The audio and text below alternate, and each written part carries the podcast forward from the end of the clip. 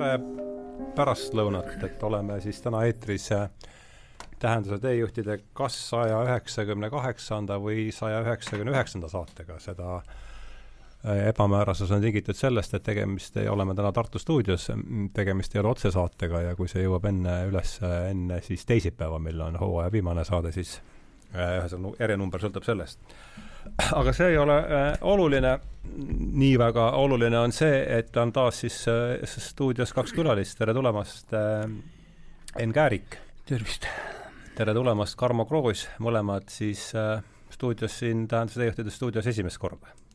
mina saan, loen, saan mulle tundub küll, mulle tundub küll. selles mõttes meil taju klapib. ja kokku on meid täna toonud selline mõtleja nagu Pitirim Sorokin, kellest mina kuulsin esimest korda võib-olla kolm kuud tagasi. ja, ja, ja, küll on aga minu külalised äh, tema, temast kindlasti varem kuulnud ja, ja ma räägin ära siis selle, kuidas mina temaga kokku puutusin ja ja võtame siis esimese ringi, võtamegi esimese ringi sellest, et kuidas, millal äh, teie äh, temani jõudsite, et mina intervjueerisin siis äh, Tähenduse teejuhtide kolmekümnendasse numbrisse Meini ülikooli sotsioloogia professori, nüüd on ta küll emeriitprofessor äh,, Kyriakos Markidest. Ja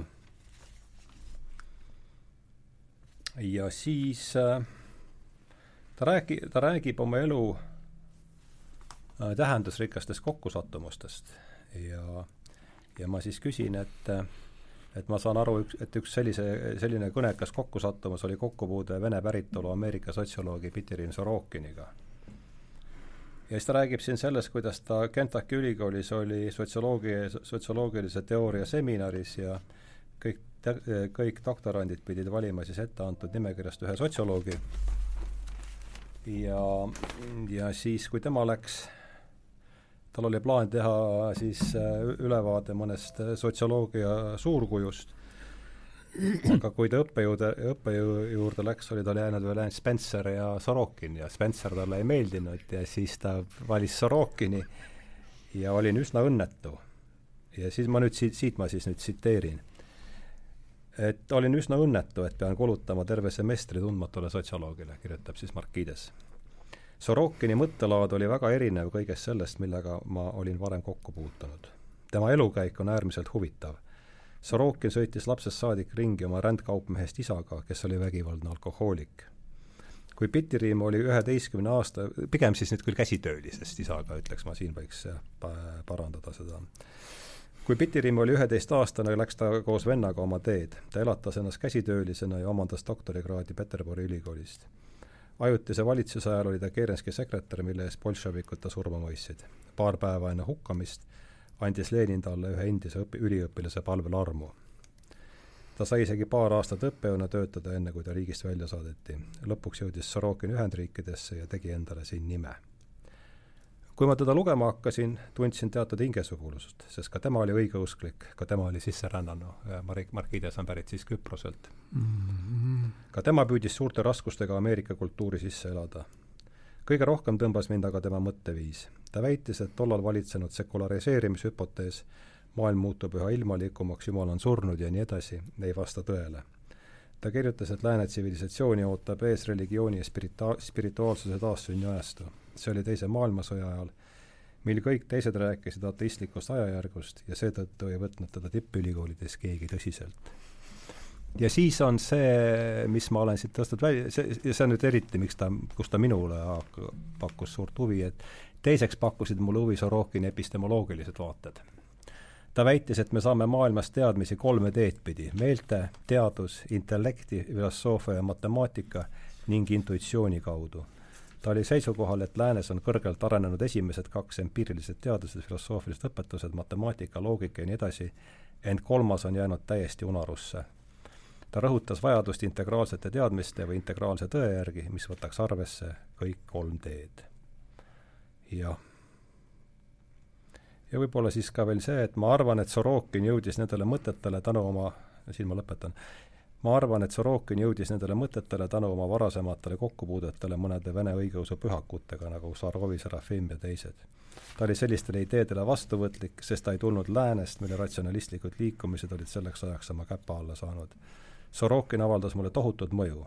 nii et kui ma aastad hiljem, aastaid hiljem kohtasin kedagi, kellel olid taolised erakordsed võimed, ütlesin ma endale, mu jumal, see on ju empiiriline kinnitus sellele, millest räägib Sorokin nii et see on nüüd lühidalt siis see, kuidas mina, minuni Sorokini nimi jõudis, et äh, rääkige palun alustuseks selleks, kuidas, kuidas, millal teie äh, saite teada, et selline sotsioloog on üldse olemas? no hästi, ma võin alustada tegelikult, et äh, põhjus ja, ja viis, kuidas mina Sorokinini jõudsin, on osaliselt seotud siin saatekülalise Enn Käärikuga, et ennul oli siis äh, õpiku või, või, või äh, kuidas siis öelda, ikkagi kõrg, kõrgkooliõpiku, mis on ka siin laual äh,, kaasaegsed ja nüüdisaegsed sotsioloogilised teooriad, esitlus, noh, see mhm. võis olla üks kümmekond aastat tagasi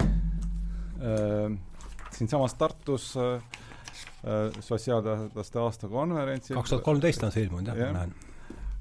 Ja, ja siis noh, enamik nimesi olid mulle tuttavad, aga paar nime äh, selles loendis, sealhulgas siis Sorokin olid, olid võõrad. sa ei olnud ka varem kuulnud? ja kuigi ma olen ju natukene sotsioloogilisest haridust saanud ja, ja, ja suur osa muidugi võib-olla ise ennast harinud, aga sellegipoolest et need teised suurkujud, keda, keda Enn seal katab, olid mulle ühte või teistpidi ikkagi ju tuttavad ja Äh, aga siis Sorokin ja Black on vist teine, kes olid minu jaoks äh, uued nimed ja seda enam oli mulle huvitav, et äh, mu enda siis doktori väitekiri puudutas Ivan Selenit ähm, Ungari juurtega USA-sse emigreerunud äh, siis sotsioloogi ja seal need paralleelid Sorokiniga on noh, olid väga, väga ilmsed ja, ja noh, mul oli ka põnev lugeda äh, äh, selles mõttes, et minu arust Enn mainib,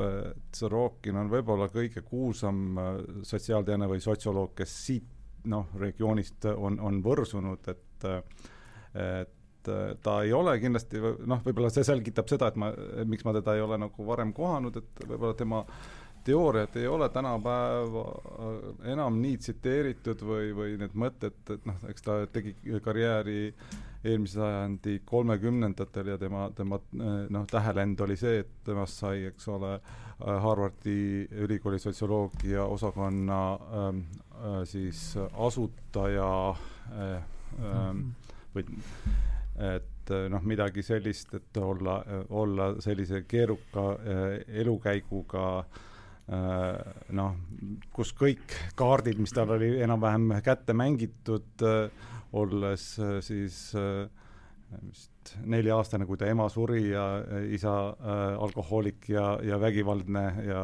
pidav, pidanud siis üheteistkümneaastasena koos vennaga kodunt lahkuma, et elatist teenida ja, ja nõnda edasi ja nõnda edasi, et äh, ega tal need äh, kaardid, mis tema kätte olid mängitud, ei olnud ülemäära äh, soodsad, aga sellele vaatamata ta jõudis sinna, kus ta jõudis, noh, see Harvardi äh, professuur või, või, või sotsioloogia osakonna asutajaks kutsumine on üks episood, eks ole, aga, aga sinna mahtus ka näiteks Äh, siis äh, Ameerika Sotsioloogia Assotsiatsiooni presidentuur, mida, mida sa mulle enne, enne tänast saadet meelde tuletasid, et et neid näiteid ei ole väga palju ja paralleelid mõnes mõttes äh, Ivan Seleniga samuti noh, võib-olla mitte nii repressiivse äh, süsteemi äh, kui, kui Sorokin ko koges, eks ole, aga siiski oli ka tema välja, äh, noh, välja saadetud või, või kas selle kirjutab tas ka või?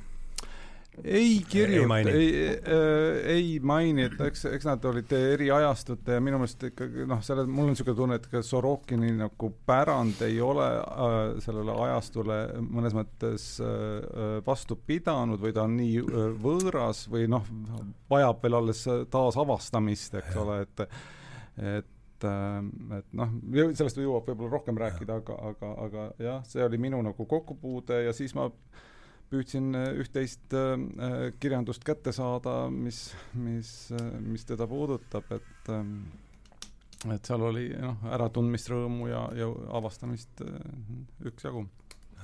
nii et lühike vastus tänu Hennule. Jah, lühike vastus tänu Ennule jah, et kui, kui Ennul poleks seda peatükki seal, seal äh, õpikus olnud, äh, siis ma ei tea, kas, kas ja, ja millal ma oleks tänani jõudnud. aga tänu kellele sina, Henn, jõudsid äh, Sorokinini? ma, enne kui ma sellele küsimusele vastan, ma tahan teha repliigi, et maailm on väike. ma lugesin eile Jaan Selleni ühte artiklit Triple Crisis in Sociology ja, ja seal on kaks mõtet, mis ühesõnaga, mille juurde võib-olla täna enam tagasi ei jõua, aga mis rõhutavad klassikat tähendust ja tähtsust. Seleni ütleb niimoodi tagasi Marxi ja Weberi juurde ja tuleb esitada küsimus mitte kuidas, vaid miks. nii, selle juurde rohkem tagasi ei tule. kuidas mina sattusin? juhuse läbi. see oli üheksakümnendate aastate algus, kui hakkas rohkem liikuma kirjandust Äh, mis ei olnud väga ortodoksne, no siin me saime läänest juba kirjandust ja Venemaalt hakkas tulema kirjandust, mis oli mis oli, tähendab ikka suhteliselt hea kirjandus võrreldes sellega, mis seal praegu tehakse. ja siis ma sattusingi Surokini peale.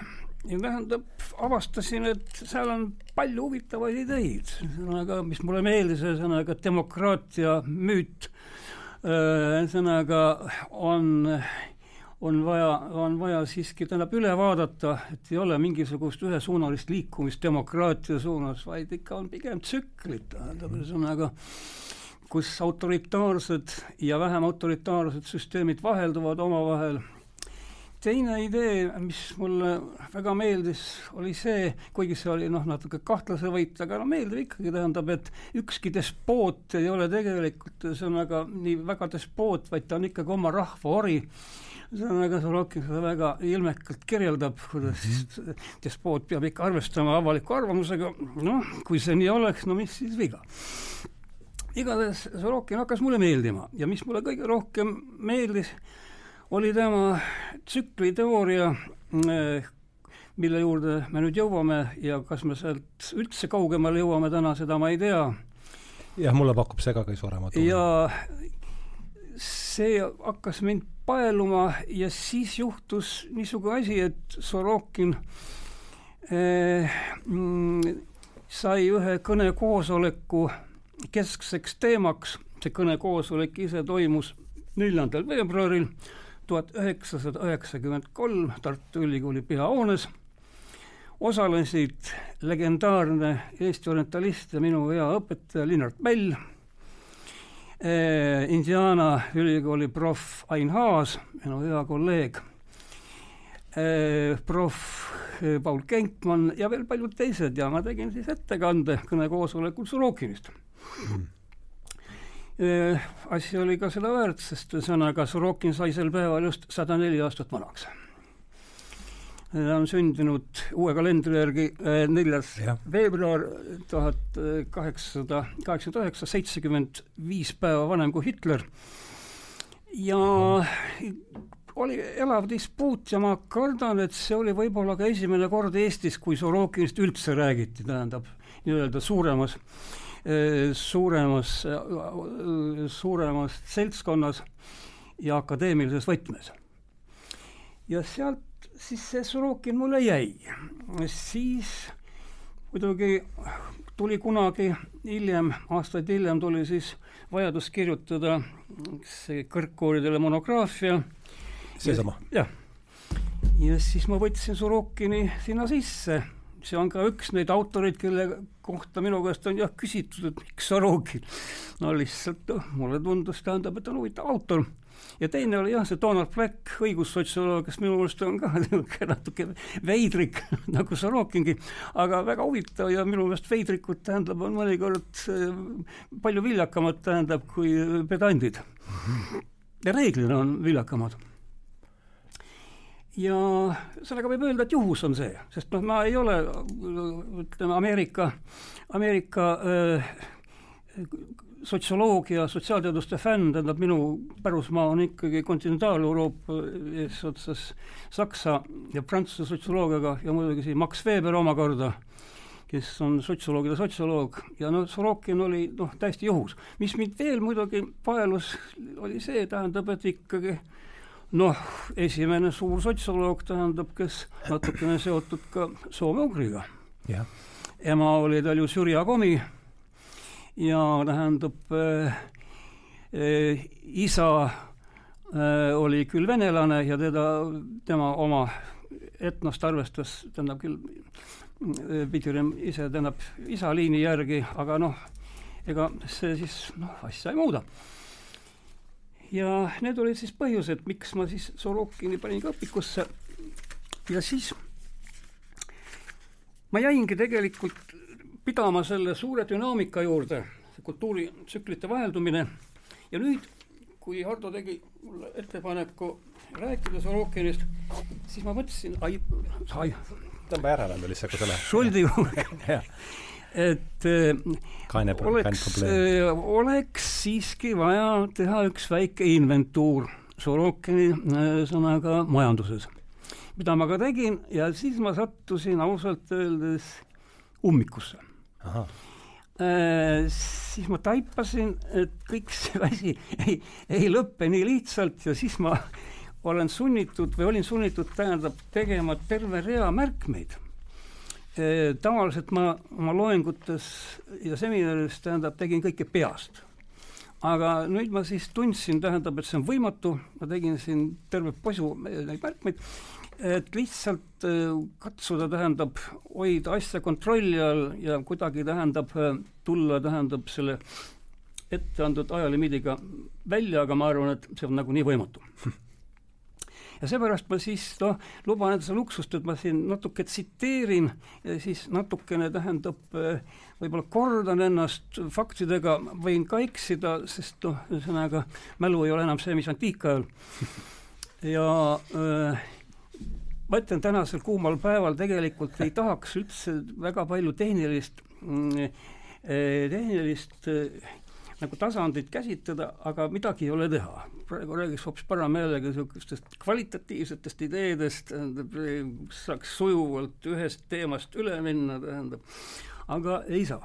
niimoodi siis minu meelest fundamentaalne tsitaat on see, mis on siin, noh, ahah, vahemärkus, võtamegi aluseks, tähendab selle meie ajastu kriisi, sest see on meil kõigil olemas. ja, ja ma arvan, et see on ka saate pro-, ütleme, niisugune töö pealkiri on meie ajastu ja, kriis. et see on siis ilmunud äh, Ilmamaa sarjas, eks?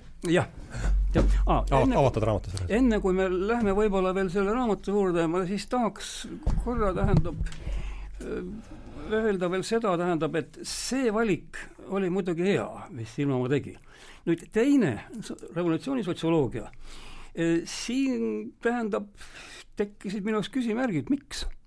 see teema ei huvita enam mitte kedagi. oot-oot, kas, kas ta on teine raamat ka väljas? jaa, jaa, see tuli juba üheksateist, mis ta tuli, tähendab, tohutu oh. suur tellis, ligi tuhat lehekülge, ma ei tea, maksab midagi nelikümmend euri oh.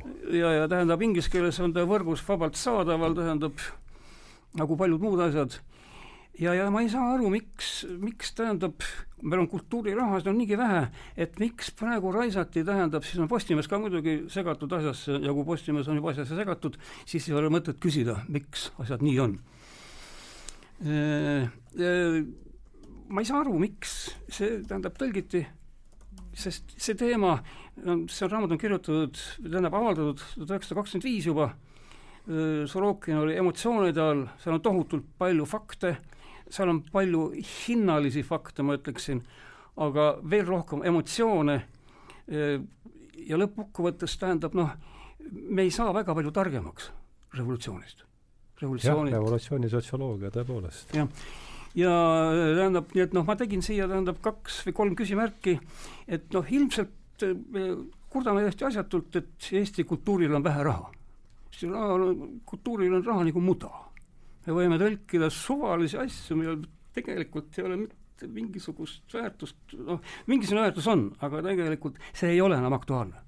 samas, eks ole, see meie aasta kriis, see oli hea valik. see on noh, ühesõnaga ikkagi tähendab noh, ütleme noh, keskne.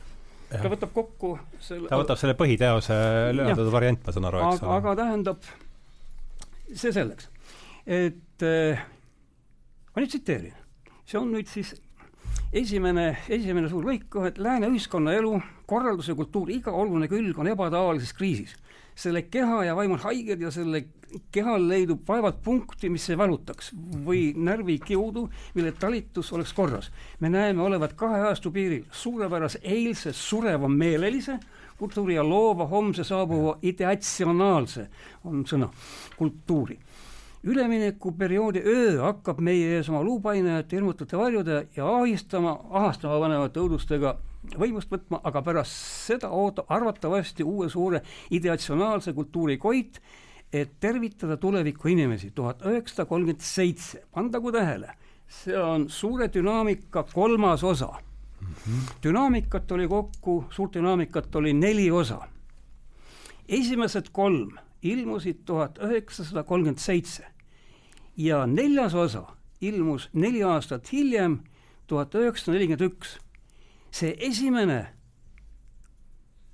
kolmeköiteline on sisuliselt oluliselt erinev kui neljakümne esimesel ilmunud neljas köide.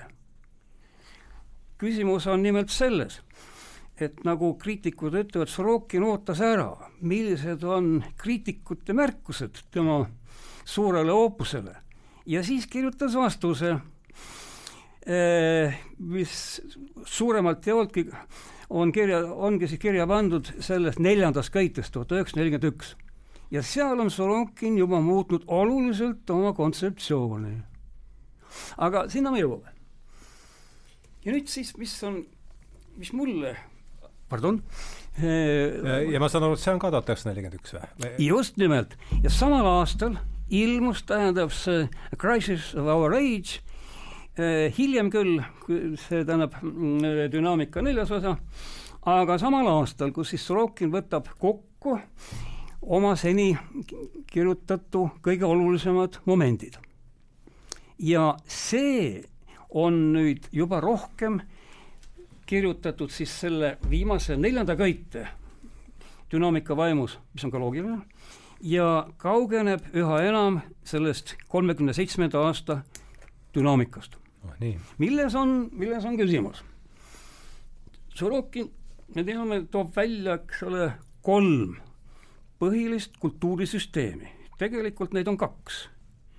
üks on siis, tähendab, meeleline, sensit, ja teine on ideatsionaalne, see niisugune sõna tähendab sellega. ja see on tegelikult noh, ütleme ideeline, võiks siis ühesõnaga noh, lihtsamalt öelda. see muidu väänab keele ära ideational ja siis eh, vahepeal on siis, tähendab, kolmas, nende kahe vahepeal on kolmas, eh, on siis idealistlik, mis siis reeglina, nagu tuleb välja Sorokini esialgsest käsitlusest, järgneb mm, eh, ideatsioonilisele. Ja on siis ideatsioonilise järel ja meelelise eel. Ma ei hakka ilmselt kirjeldama ühesõnaga, mis on see üks või teine kultuur, te olete vaadanud ise, eks ole, tähendab sellest raamatust, aga põhimõtteliselt niimoodi noh, nagu juba need nimed ütlevad, ideatsiooniline, selge, see on ideeline, nagu Sorokin ütleb, jumalik, aateline, meeleline, see on, tähendab, ühesõnaga nagu juba ka nimi ütleb, meeleline, aistinguline, materiaalne, naudingutele äh, orienteeritud. See on see, kus me praegu oleme.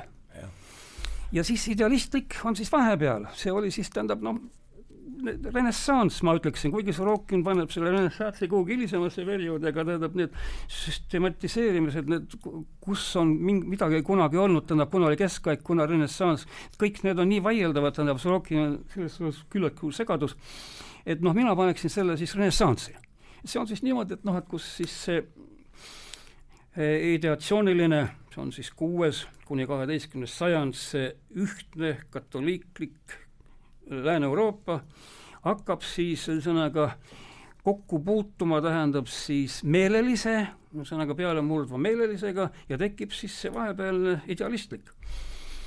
ja selle kohta siis Sorokin ütleb, et seal siis on ühendatud ühelt poolt siis vana ideatsionaalse, ideatsioonilise ja teiselt poolt siis selle peale suruva meelelise põhimõtted. eriti põhjalikult on ta käsitlenud see tõe, tõe küsimust ja selle juurde me hiljem jõuame.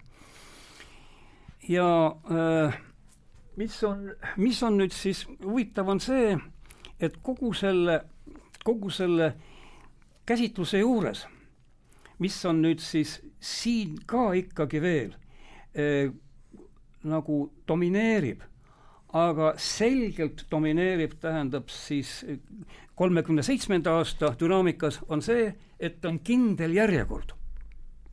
on kõigepealt, ühesõnaga ükstapuha, kust me ei alusta, on ütleme siis, eh, võtame siis, eh, meeleline on kõigepealt, mm, tal kusagil seal hakkab peale, siis eh, sellele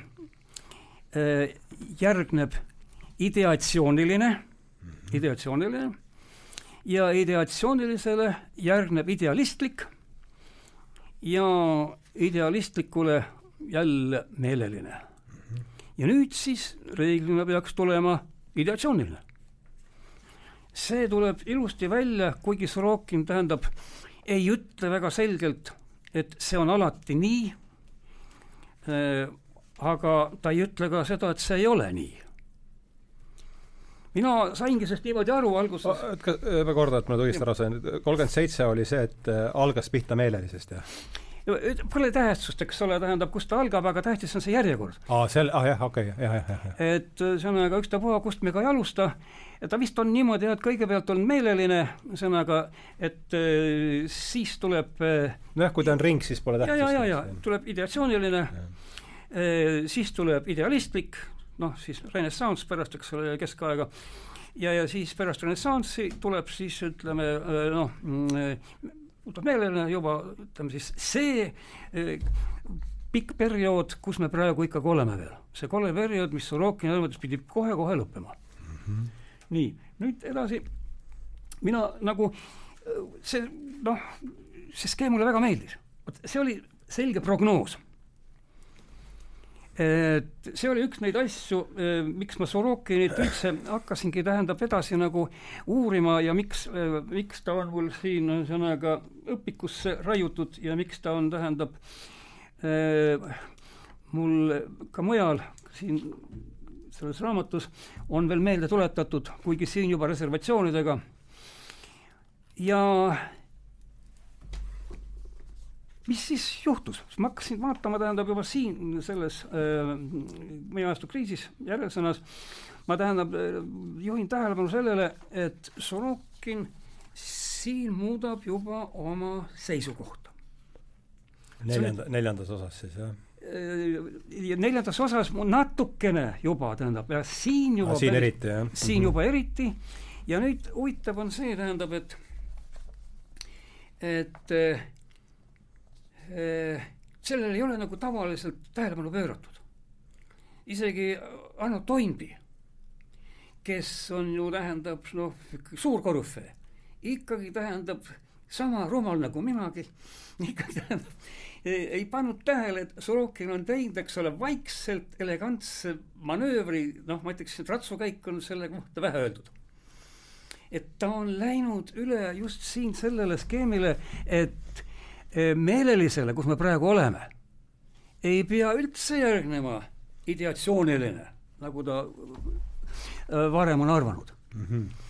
vaid tänu sellele kriitikale, mis ta vahepeal sai ja millest siis tuli dünaamika neljandas osas juba hiilis sisse mm. -hmm. ja siis siin eriti juba selle, eriti selle lõpus, kus ta paarkümmend korda juba ütleb vähemalt, et tuleb nüüd kas ideatsiooniline või idealistlik.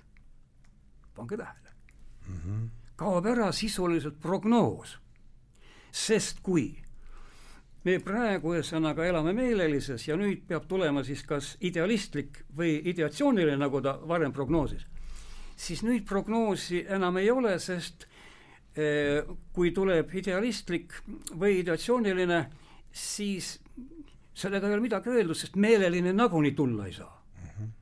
siis tuleb lihtsalt see, mis tuleb. midagi muud ei, ei lihtsalt, et noh mm,, siin ta noh, sisuliselt prognoos kaob ära, kuigi ühesõnaga noh, ta ise sellest võib-olla ei saanudki aru. et kui meelelisele järgneb ideatsiooniline või idealistlik, siis kuivõrd meeleline nagunii järgneda ei saa, siis tegelikult Sorokin ei ütle mitte midagi uut meile.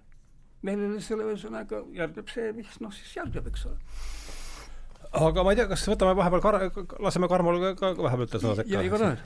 Äh, et mis, mis sa selle jutu peale nüüd, kuidas sina seda, tahad sa kommenteerida, lisada midagi?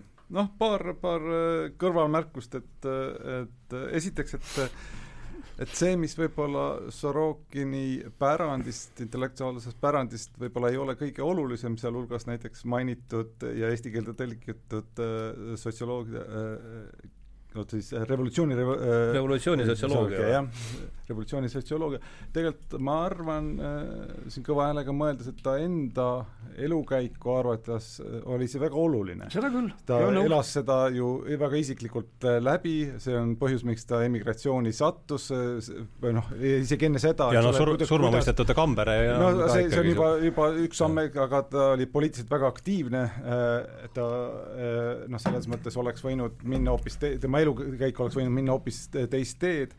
Ja selleni välja, et kui me räägime konkreetselt äh, siis äh, revolutsiooni sotsioloogiast, siis põhjus, miks ta Ameerikasse sattus, on otseselt sellega seotud, et Ameerika sotsioloogia osakonnad ja noh, olid huvitatud, mis toimub tolleaegses Venemaas äh,, revolutsioon oli toimunud, eks ole, ja tema kui noh, niisugune sotsioloog, kes oli siis noh, surmamõistetud, välja saadetud, eks ole, oli, oli hea kandidaat äh, seda siis Ameerika Äh, kuulajaskonnale tutvustama ja, ja tänu sellele, et see läks edukalt, talle pakuti Minnesota ülikoolis ka siis äh, õppejõukohta, millest hiljem äh, kasvas välja ta karjäär siis Harvardis, eks ole.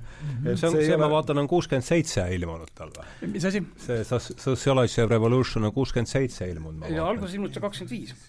Ameerikas. ei tähendab, see ilmus tegelikult ta kirjutas selle Tšehhoslovakkias oh,. jaa. ta oli üheksa kuud oli, oli Tšehhoslovakkias. aga ma ei mäletagi enam, kus see ilmus tähendab. kolmkümmend, aga mina loen siit, kolmkümmend viis ilmus.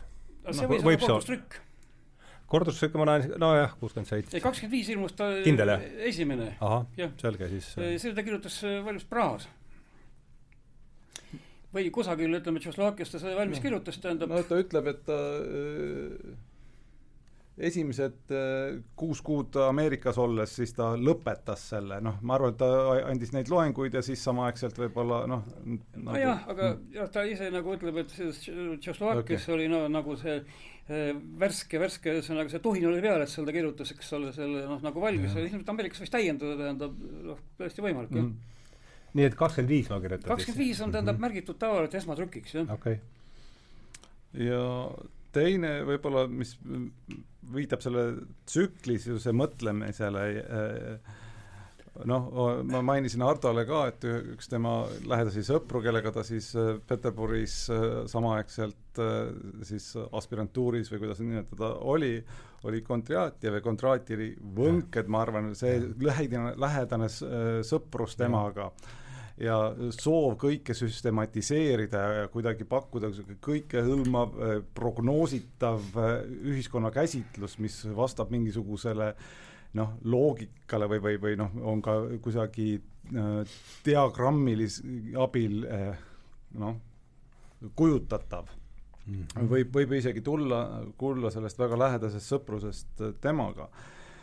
ja mis puudutab nüüd neid äh, dünaamika kolme äh, osa ja selle erinevust neljandast, et äh, noh, ta oma eluloos räägib, kui suure vaimse surve all ta tegelikult oli nende esimeste Harvardi aastate jooksul, kust noh, mingisugune mustand dünaamikast oli, oli juba tal varasemalt nagu sealt Minnesota ülikoolist kaasa võetud, aga ta siis äh, sai üsna mahuka, tolleaegses mõttes mahuka grandi, kümme tuhat dollarit ja ta tegelikult püüdis siis öö, äh, oma võib-olla noh, mõtteid süstematiseerida ühtepidi, aga, aga, aga äh, tagalat kindlustada, olles siis võib-olla võimeline maksma teistele Vene, enamasti Vene emigrantidele äh, abistava äh, uurimistöö eest äh, et, et ta noh, ta ikkagi kirjutab sellest, nendest aastatest, kui üsna tihti oli ikkagi depressioonis, et see magnum opus võib-olla ei tule see, mida, mida noh, sellisel positsioonis temalt oodataks. No seda ma ju mainisin et, ka, eks ole, tähendab, et noh, et nagu ootas ära selle kriitika ja, ja tähendab siis see neljas köide on siis juba tähendab see köide, kus ta siis tähendab, on seda kriitikat arvestanud ja juba tähendab, on muutnud oma seisukohta paindlikumaks. ja on no muidugi näha, et ta on surve all mm. -hmm. nii et noh, täiesti, täiesti nõus, jah, nii see oli mm. -hmm kui nüüd Kontratjevist veel rääkida, tähendab noh, ma ei tea, palju nüüd Kontratjev teda mõjutas, võib-olla kindlasti tähendab, sest lapsepõlve või lapse nooruse mõjud on suured. Kontratjev on seotud ju veel ühe teise nimega, Wallerstein Immanuel Wallerstein, kes äh, kuidas on eesnimi? Immanuel Wallerstein mm, -hmm. kes on ju tähendab ennustanud, et kaks tuhat viiskümmend on sellel süsteemil lõpp mm. -hmm.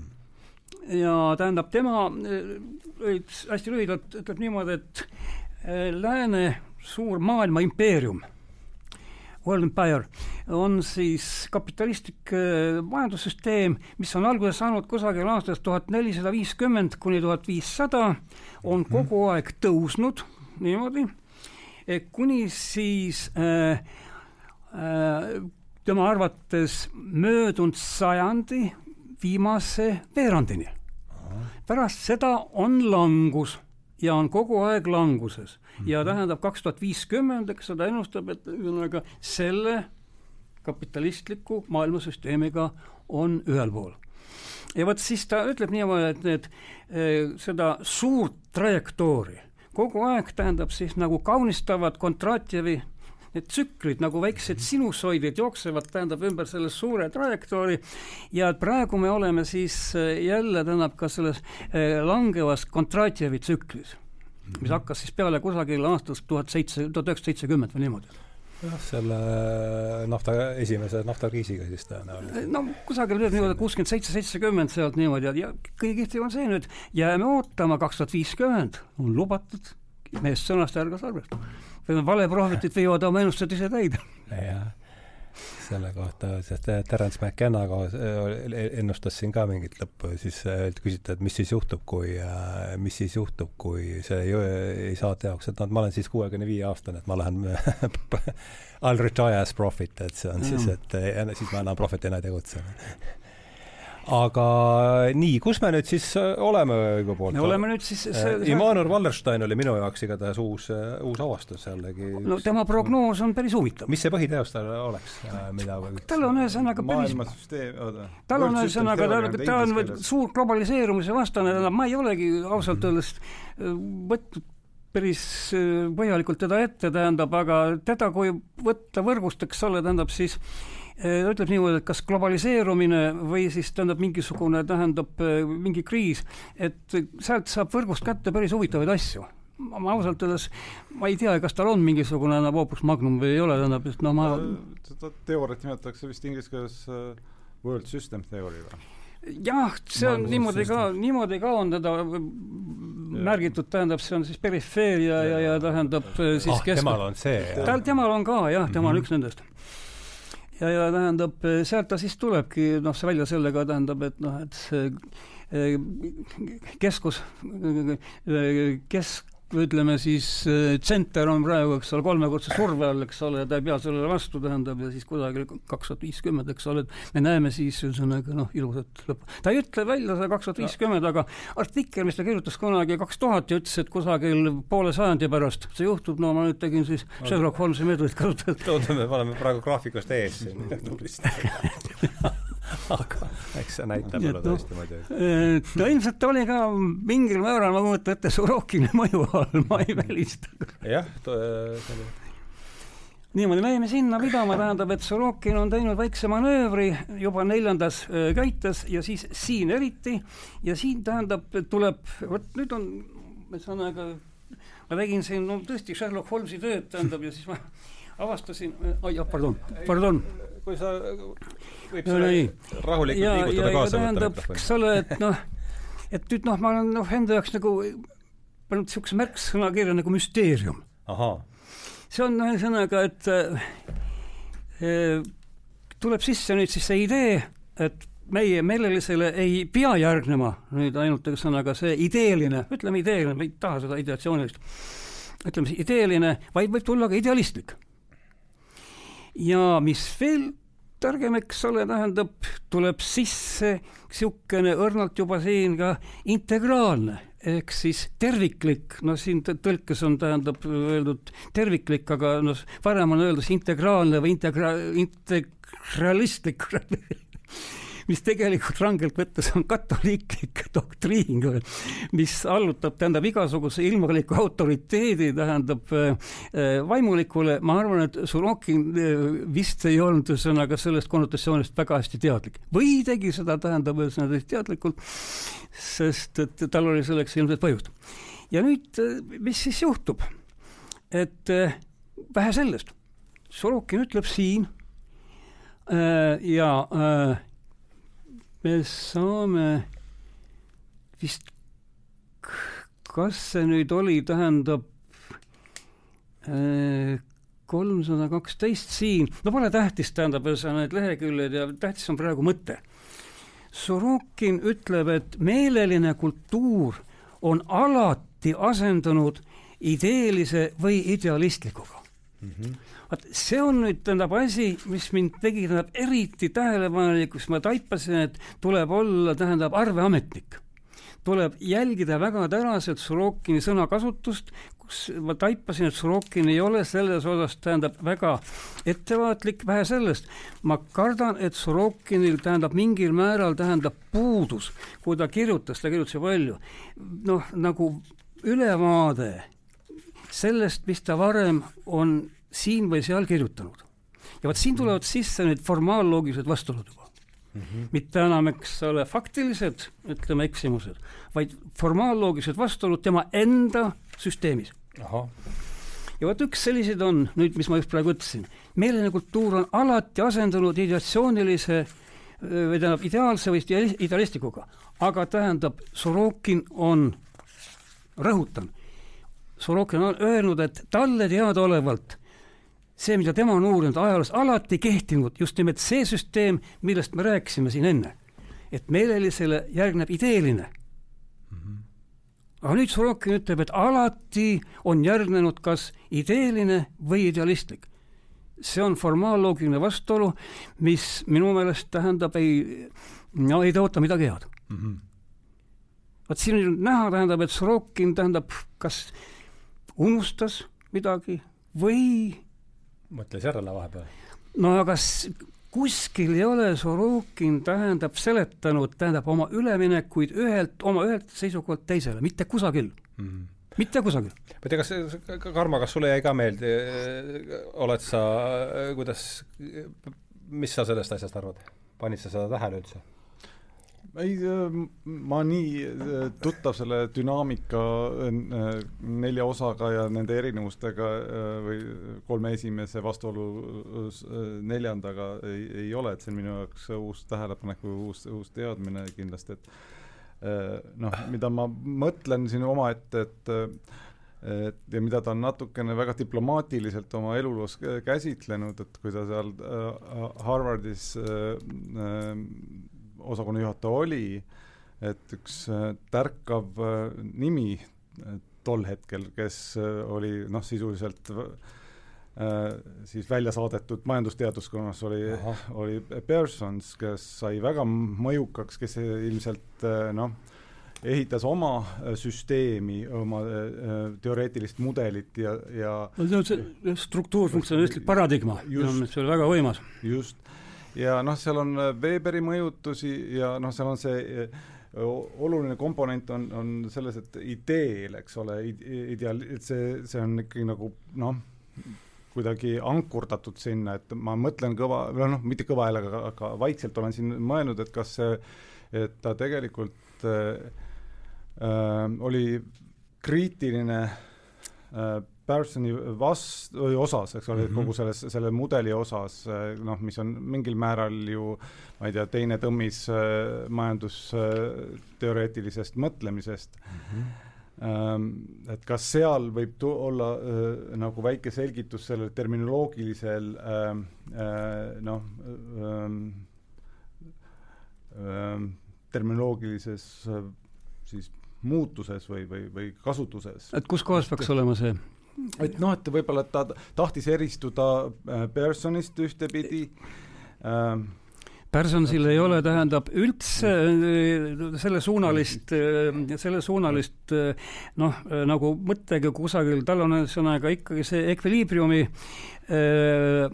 idee, sotsiaalne ühesõnaga organism on süsteem, mis, eks ole, alati taotleb ekviliibriumi ja ka ühesõnaga Weber, kellest ta on kirjutanud ju eraldi eraldi tähendab kohe no ütleme pika oopuse, me räägime nüüd Parsonsist. Parsonsist jah, et see Weber noh, tegelikult on tal, Parsonsil on ka minu seisukoht on see, on pigem tähendab noh, nagu kunstlikult sisse toodud, sest Parsonsil ei ole, tähendab mitte midagi olulist Weberiga, sisulist ähm, seost, vaid äh, Parsonsil oli tähtis Weberi autoriteet mm. -hmm. ja Weber oli autoriteet, tähendab, ja noh, jääb autoriteediks mm. -hmm aga selle suure skeemi ehitamise juures nüüd, mis ta, mis ta, mis Sorokin Hegelist arvas näiteks? Te olete teda uurinud? ei, Hegelit, ta kiidab Hegelit. ma arvasin.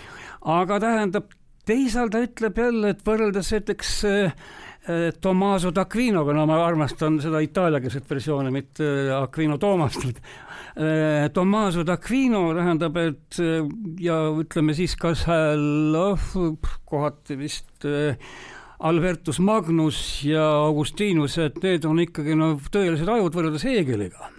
seda ütleb ka või? no ta mhm. ühesõnaga mm -hmm. katsun üles leida, tähendab, see on, me jõudsime sinna juba, ma vaatan, kas mul on võimalik üles leida see siin, see on ühesõnaga, tal on põhimõte, ühesõnaga üks, üks põhimõtteid, et das Wahre ist nicht neu, das Neue ist wahr. et tõene pole uus ja uus pole tõene mm. -hmm ja vot siin on, tähendab ta kusagil, kusagil tähendab äh, nii, ei himmel herrgott, no ei leia üles. ma vaataks mul mälu järgi, ma vaatan sada kümme lehekülge. mälu ei ole enam see, mis antiikajal, sada kümme ah,. no, noh, siin ei ole veel, aga siin tuleb siis sama idee. et et äh, intuitsioonist ta räägib, see on tema jaoks tohutult tähtis, see tuli ennem sisse ka, eks tuli. ole. see on, mis niidi otsas mina hakkasin. et kui meelelises on tähtis, eks ole äh,, lihtsalt vaatlus, niimoodi, siis äh, idealistlikus on juba tähtis, tähendab äh, mõtlemine, loogika ja siis ütleme noh pluss siis äh, tähendab ka see vaatlus ja siis äh, mm, äh, ideelises ehk ideatsioonilises on kõige tähtsam kaemus, intuitsioon. aga see kaemus, mis on ideelises, on religioosne intuitsioon, religioosne kaemus.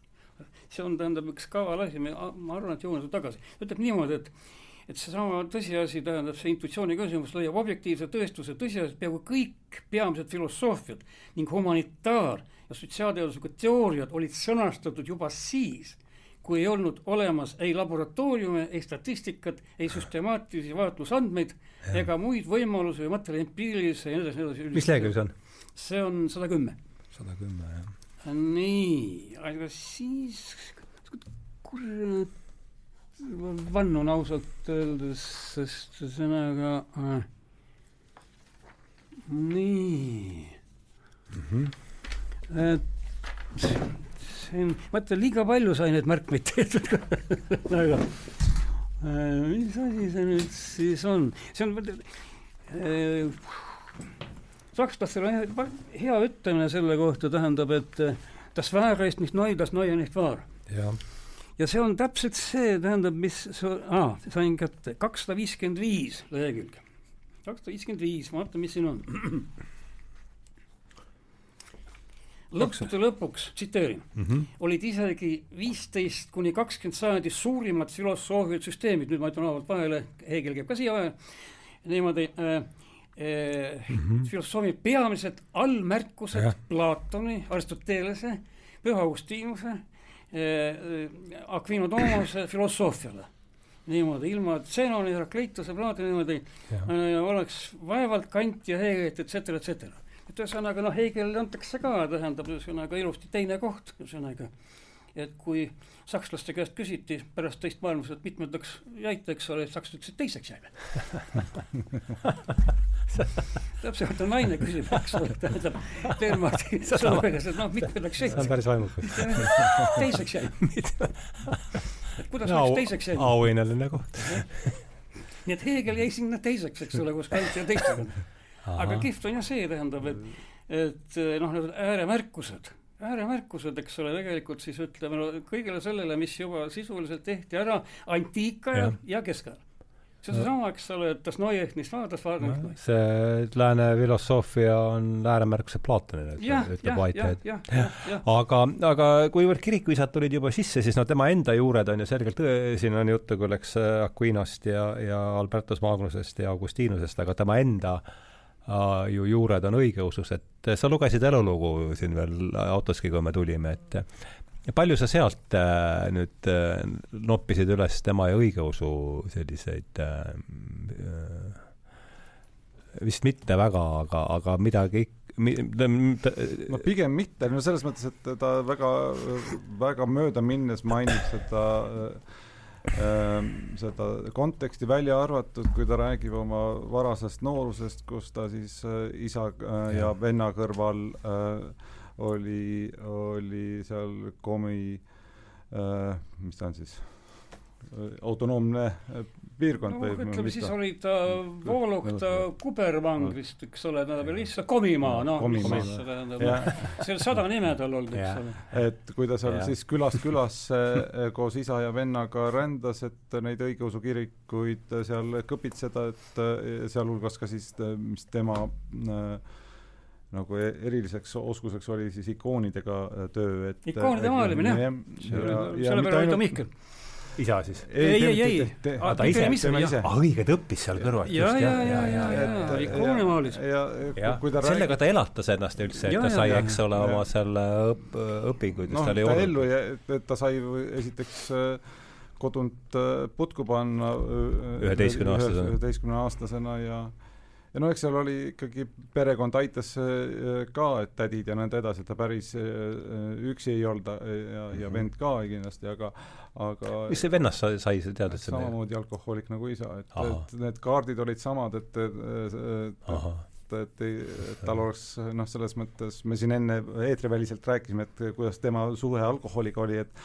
no mina kipun arvama, et et see noh, kui sa näed midagi äh, äh, nii lähedalt, et seal võib olla siis emba-kumba, et kas sa lähed sama teed, mida mulle tundub, et või noh, ta ütleb, et ta vend läks või siis vastupidine, et sa hoiad sellest eemal, et ma olen tema püüdlikkusest ja, ja, ja soovist sellest sotsiaalse äh, redelil edasi pürgida äh, kõige kiuste äh,, ma arvan, et ta oli ikkagi üsna, üsna äh, noh, hoidis väga kaugele sellest, et, et tubakaga ta mainib, et ta tegi eh, tutvust eh, vanglas, kus kus, kus ilma selleta noh, või kus talle see nagu kätte, kätte toodi, aga aga, aga tagasi õigeusu teemade juurde, et ta mainib noh, oma isa kohta ütleb niimoodi, et et kuigi isa nagu neid õigeusu pühasid eh, nagu tähistas äh,, Äh, kirikus ta regulaarselt ei käinud, et isa väide olla, et ta veedab nagu oma suure oma ajast kirikutes, et tal ei ole vaja täiendavat äh, siis kirikus käimist ja et tal on nagu noh, see suhtlus võib-olla mingis teisel tasemel Jumala ja mm, -hmm. ja religiooniga, et, et ta, aga ta enda nagu niisugust religioosset äh, tausta eriti sisse ta seda väga ei rõhuta. ei rõhuta, noh, ainult ühes kohas ma sulle mainisin ka, kus ta seda võib-olla tähendab, Sorokin ei rõhuta oma tausta religioosset või? no seda ei olegi vaja rõhutada. Mm. see tuleb igalt poolt välja mm. -hmm. see tuleb igalt poolt mulle, välja. mulle ka tundub, jah. seda üldse vaja rõhutada, ma siin no, selle juurde jõuan see tähendab, tuleb tema kontseptsioonist välja, ta jääb selle juurde lõpuni, tähendab, tema on ikkagi, tähendab, ühesõnaga seesama, tähendab, isa, poja, püha vaimu nimel, tähendab, ja õnnis on see, kes tuleb, tähendab, issanda nimel ja aga ta lihtsalt, ma jõuan selle juurde, tähendab, ilusti põimib selle, tähendab, ka oma viimasesse kontseptsiooni sisse, nii et tegelikult ühesõnaga, no ma jõuan selle juurde. Mm.. et ei olegi vaja rõhutada mm. -hmm. ja vot see oli, tähendab noh, üks neid iseloomulikke jooni, tähendab, et Sorokin oli, tähendab, üks neid suuri teadlasi, kelles oli ühendatud religioosne ja akadeemiline, tähendab, suundumus mm. -hmm. ma ei teagi teisi. prohvet ja akadeemik mm. -hmm. ta no ise, ma arvan, kujutas ennast ka väikse Moosesena aga sa ütled siis, et eluloost ta sellest otseselt ei kirjuta? ta ei, no ta, ta räägib kõigest muust, noh, ta on, see on natukene nagu nais-, oma naisestki, ta räägib äh, eluloos õige põgusalt, mainib teda, naist, et ja sama, sama on tal jumala või, või religioossusega. sa mõtled seda Long Journey't, jah? jah mm -hmm,. ma olen seda venekeelset Tallinna teoloogiat, mul ei ole ingliskeelset kätte sattunud, tähendab, tõlge on ilmselt, ma arvan, noh, on adekvaatne jah, see on huvitav, mulle tundub ka, et selles lauses midagi on, et ta ei rõhuta oma religioosset tausta, sest see tuleb igalt poolt välja, et see et anna palun sellele värvi juurde natuke. ja, ja ma, kui selle teema juurde juba jõudsime, tähendab siis selles mõttes tähendab, see sai talle ka mingil määral saatuslikuks, see on see, tähendab, mispärast ta tundis ennast surve all olevat, eks ole, kogu aeg mm, -hmm. sest seda tunti, et temas on see, tähendab, vene õigeusu alge, tähendab, see ei ole kuhugi kadunud, kuigi tähendab, akadeemiline, tähendab, see tugev krohv on peal, aga all on ikkagi, tähendab, Vene kiriku kellad, eks ole, tähendab. päris hea, jah ja.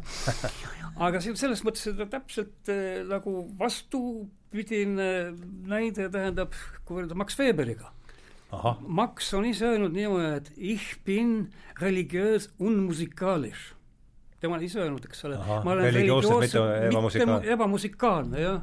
ja, ja, ja mul tuleb ka meelde seda. ei ole seda kunagi öelnud, sest siis ta oleks valetanud mm. -hmm aga Maxi polnud vaja valetada, sest tema tõesti, tähendab, ei olnud eriti musikaalne religioosselt ja see tuli tema uuringutele kasuks. sest religioonisotsioloogia, mis on ju Weberi, tähendab ju see kern, tuum, eks ole, kõik ülejäänud sotsioloogiad nagu ladestuvad selle ümber, see on ju noh, ütleme, see nõuab, et eh, uurija oleks akadeemiliselt erapooletu mm. -hmm. et tema konfessioon, isegi kui tal on see, et ei mõjutaks. aga noh, ta oli ilmselt, ta vist formaalselt oli, tähendab ka vist luterlane, tähendab, ma nüüd õigesti mäletan, aga ta on jah rõhutanud, et mis mind mm -hmm. religios on musikaalis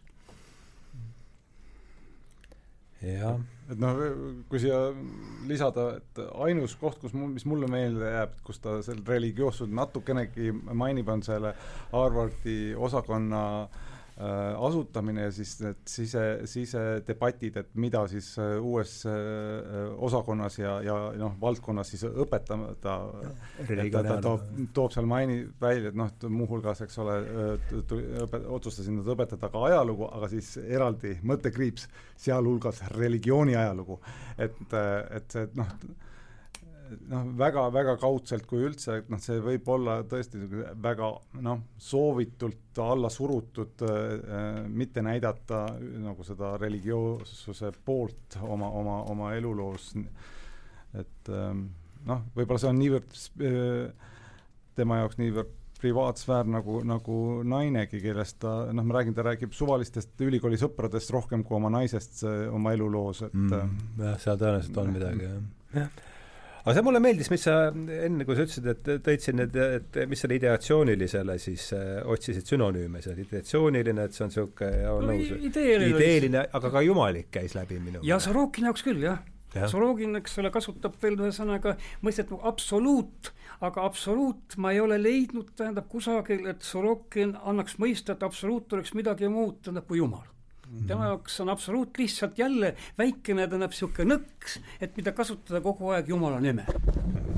Jah, võib-olla ma jällegi võib-olla mõtlen kõva häälega siin, aga no selleks saade ongi. Sorokini noh, nähakse, et üks panus ja ta Harvardis ka asutas eraldi uurimiskeskus, mis oli altruistliku armastuse uurimiskeskus mm. -hmm. ja võib-olla seegi võib olla tegelikult varjatud viis noh, uurida neid religioosseid ähm, teemasid, mis, mis on võib-olla absoluutselt kindlad, see nii oligi siin ei ole vaja kahtlustada, tähendab, on ju ilus ütlus, et ei ole õige kahtlustada kedagi, kui oled tema süüs täiesti kindel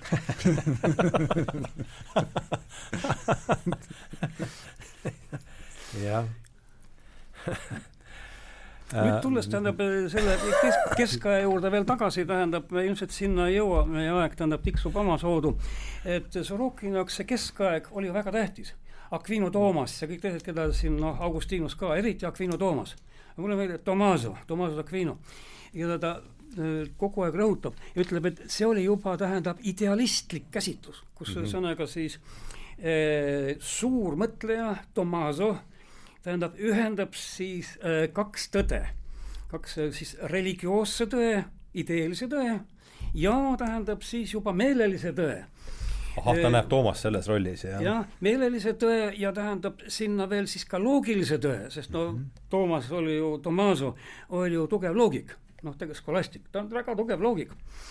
et kõik ühendab need ilusti. aga tegelikult ühesõnaga Tomaso ei ühendanud seal suurt midagi harmooniliselt, nagu tähendab Sorokin räägib. Tomaso oli puhtalt ideelise platvormi mees mm. -hmm. ma toon siin, tähendab, ainult ühe, ta tsiteerib siin, tähendab seda Sorok-, Tomasot ja, ja no püüdes jätta nagu muljet, ühesõnaga Tomaso jaoks kõik need tõed, ühesõnaga meeleline ja, ja siis tähendab loogiline ja, ja tähendab siis äh, ütleme siis kaemuslik, jumalik, et need on omavahel ühendatud tal, ei ole ühendatud. Tähendab, on ühendatud küll, aga mitte nii harmooniliselt, tähendab nagu arvab Sorokin, vaid hoopis harmoonilisemalt. vaid nimelt, eks ole, Tomaso jäi lõpuni, tähendab, ideelise tsükli meheks ja teistmoodi polekski saanud, muidu oleks ta Ketseriks kuulutatud. puhtloogiliselt võttes juba no võtame, tähendab siin no Tomaso ühe väljendi, tema sellest tal, tal oli niikuinii pahandusi, eks ole? no tähendab, aga ta tehti ikka ametlikuks filosoofiks, tähendab niimoodi, et noh, et need pahandused tähendab, kui üldse olid, ma ei tea, minu arust olid pärast surma oli seal mingi ei, ei ole kuulnud. jah, aga las ta Omne verum a quo cumque dicatur a spiritu sanctu est.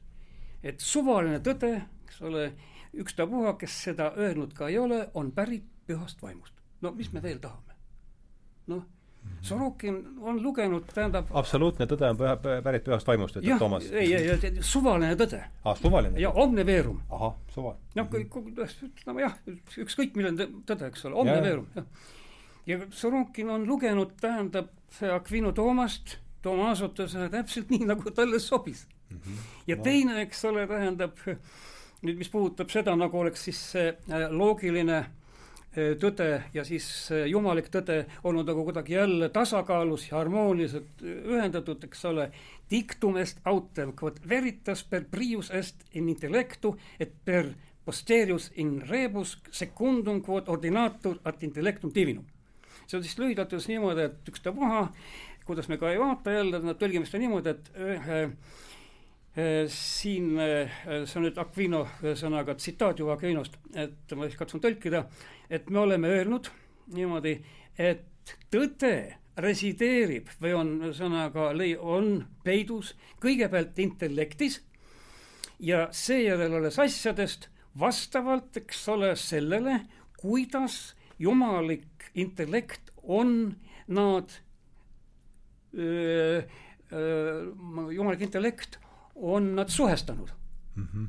niimoodi, kõigepealt, eks ole, jumalik intellekt on pannud intellekti, tähendab mõistusesse, aga see on jumalik intellekt, mis on, määrab, eks ole, ka selle tavainimese intellekti see on osaduse printsiip seal. siin ei ole mingit kahtlust, ühesõnaga, et jumalik intellekt pluss siis tähendab püha vaim, mis vahendab, eks ole, et need määravad ära kõik muu. teeme hästi lihtsalt aga Sorokin on, tähendab, ma ei tea, mismoodi tema on lugenud seda äh, Aquino Toomost, igatahes ta on teinud selle suure panuse, aga tähendab minu meelest täiesti valele inimesele. Hmm.. Aquino oli, tähendab, ideelise tsükli mees, no see tsükkel kõlab ka ausalt öeldes, tsüklimees. aga mõnes mõttes tsüklimehed ongi siuksed mehed, tähendab, et nemad ei saagi sellest välja tulla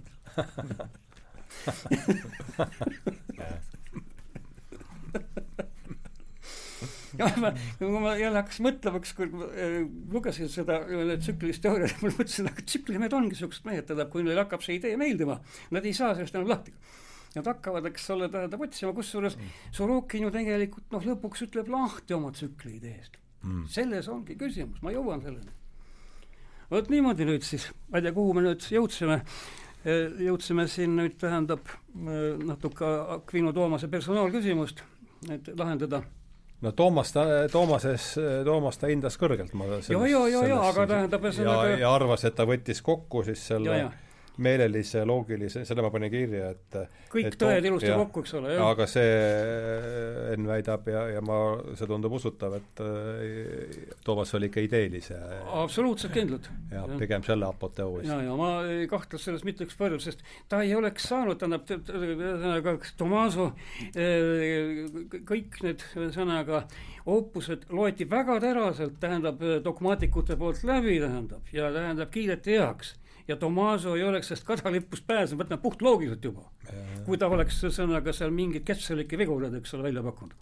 aga see, kui ta oleks pakkunud välja mingisuguse kas või õhkõrna tasakaalu, ütleme siis intellektuaalse, tavalise inimlikult intellektuaalse, loogilise ja jumaliku tõe vahel, mis on antud meile, tähendab siis kõrgelt üleval, siis oleks ta läinud tuleriidale.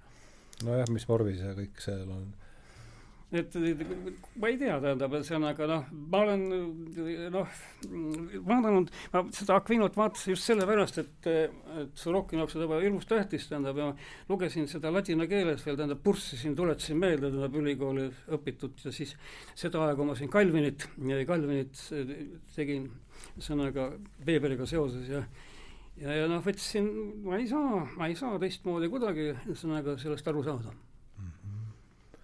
aga ütleme, kui nüüd vaadata seda Sorokini traditsiooni äh, sotsioloogias enne ja pärast, et kas, äh, kes seal, no siin on mitmed nimed läbi käinud, aga kes tal seal võiksid olla sellised hingesugulused enne, enne ja pärast selle põhjal, mis, mis te olete lugenud? Pareto.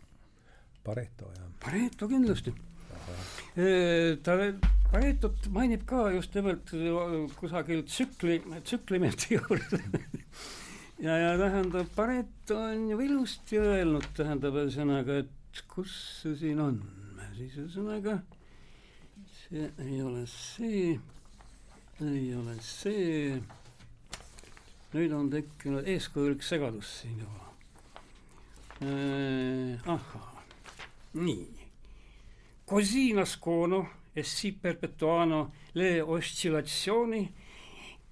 tanti mai secoli si osservavano tra lo scetticismo e la fede, tra il materialismo e idealismo, tra la scienza logico-sperimentale e la metafisika. see on siis lihtsalt, et näeme kogu aeg tähendab pendli liikumist, ühesõnaga siis äh, skeptitsismi ja usu vahel.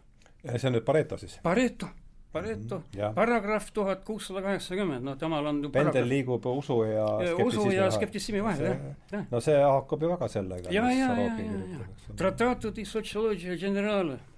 ja ta mainib seda uhkusega oma eluloos, et kuigi noh, seal sõdade vahel äh, oli ja, ja revolutsiooni äh, käigus oli, oli lääne kirjandust raske äh,, raske kätte saada, aga, aga siis äh, konkreetselt Pareto töö ta sai, sai kätte ja noh äh,. seda räägib eluloos, jah? eluloos, jah, et ah, räägib ta veel siis..., pare-, räägib ta veel Paretost midagi? ei, mitte rohkem, et aga noh, lihtsalt toob, toob nimeliselt tema välja oh. selle, selle, et noh aga samas ta ju kõiki neid kahekümnenda sajandi sotsiolooge ei pea kelleks ega millekski, tähendab, eks noh, see tuleb natukene võib-olla ka sellest, et et see distsipliin oli uus, äh, kui ta seal St Peterburis oma haridust sai ja noh, oma selle nii-öelda noh, magistrikraadi või noh, tegelikult siis äh, kandidaadikraadi, mis hiljem osutuseks doktorikraadiks, selle juures ta räägib, kuidas noh, teda ikkagi suunati, kuna teda huvitas kriminoloogia mm, -hmm. siis et need kolm juhendajat olid tegelikult kõik õigusteadlased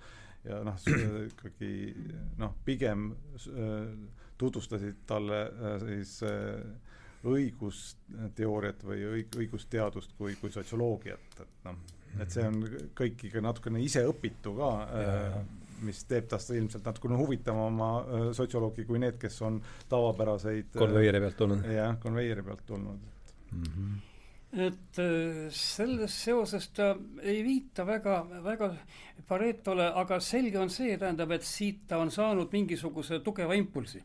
teine muidugi või täpselt esimene on Kont tema sõnaga konti, konti tähendab äh, eh, triaad, nagu mina olen siis ka öelnud, kolme staadiumi seadus. Ah muidugi jah, seal on ju ka ja esimene teolo-, teoloogiline staadium on ju puhtalt, eks ole, tema, tema ideeline.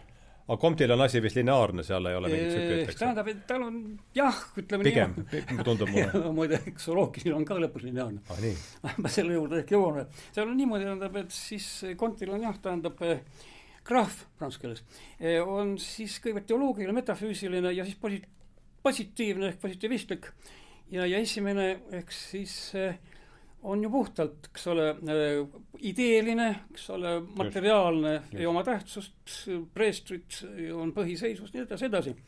ja siis viimane, see positiivne staadium, see on jälle, eks ole, midagi, see, millele ühesõnaga Sorokin teeb panuse tulevikus, et altruism, harmoonia, kõik muud taolised, eks ole, mida ta ennustab, see on niimoodi, et ta on siin noh, võtnud ega ei saagi võtta tähendab ühelt autorilt liiga palju, ta on saanud ideid Kontilt, Paretolt, ma arvan, et Tolstoilt ja, ja veel ühelt Tolstoi kindlasti. ja veel ühelt, mis minu jaoks oli, või kes minu jaoks oli üllatus, jõuame nüüd siis lõppu, Sorokin oma elu viimastel aastatel oli väga palju lugenud, nii väidetakse, või luges niisugust meest, keda ta oleks ühesõnaga pidanud maapõhja, maapõhjani sarjama.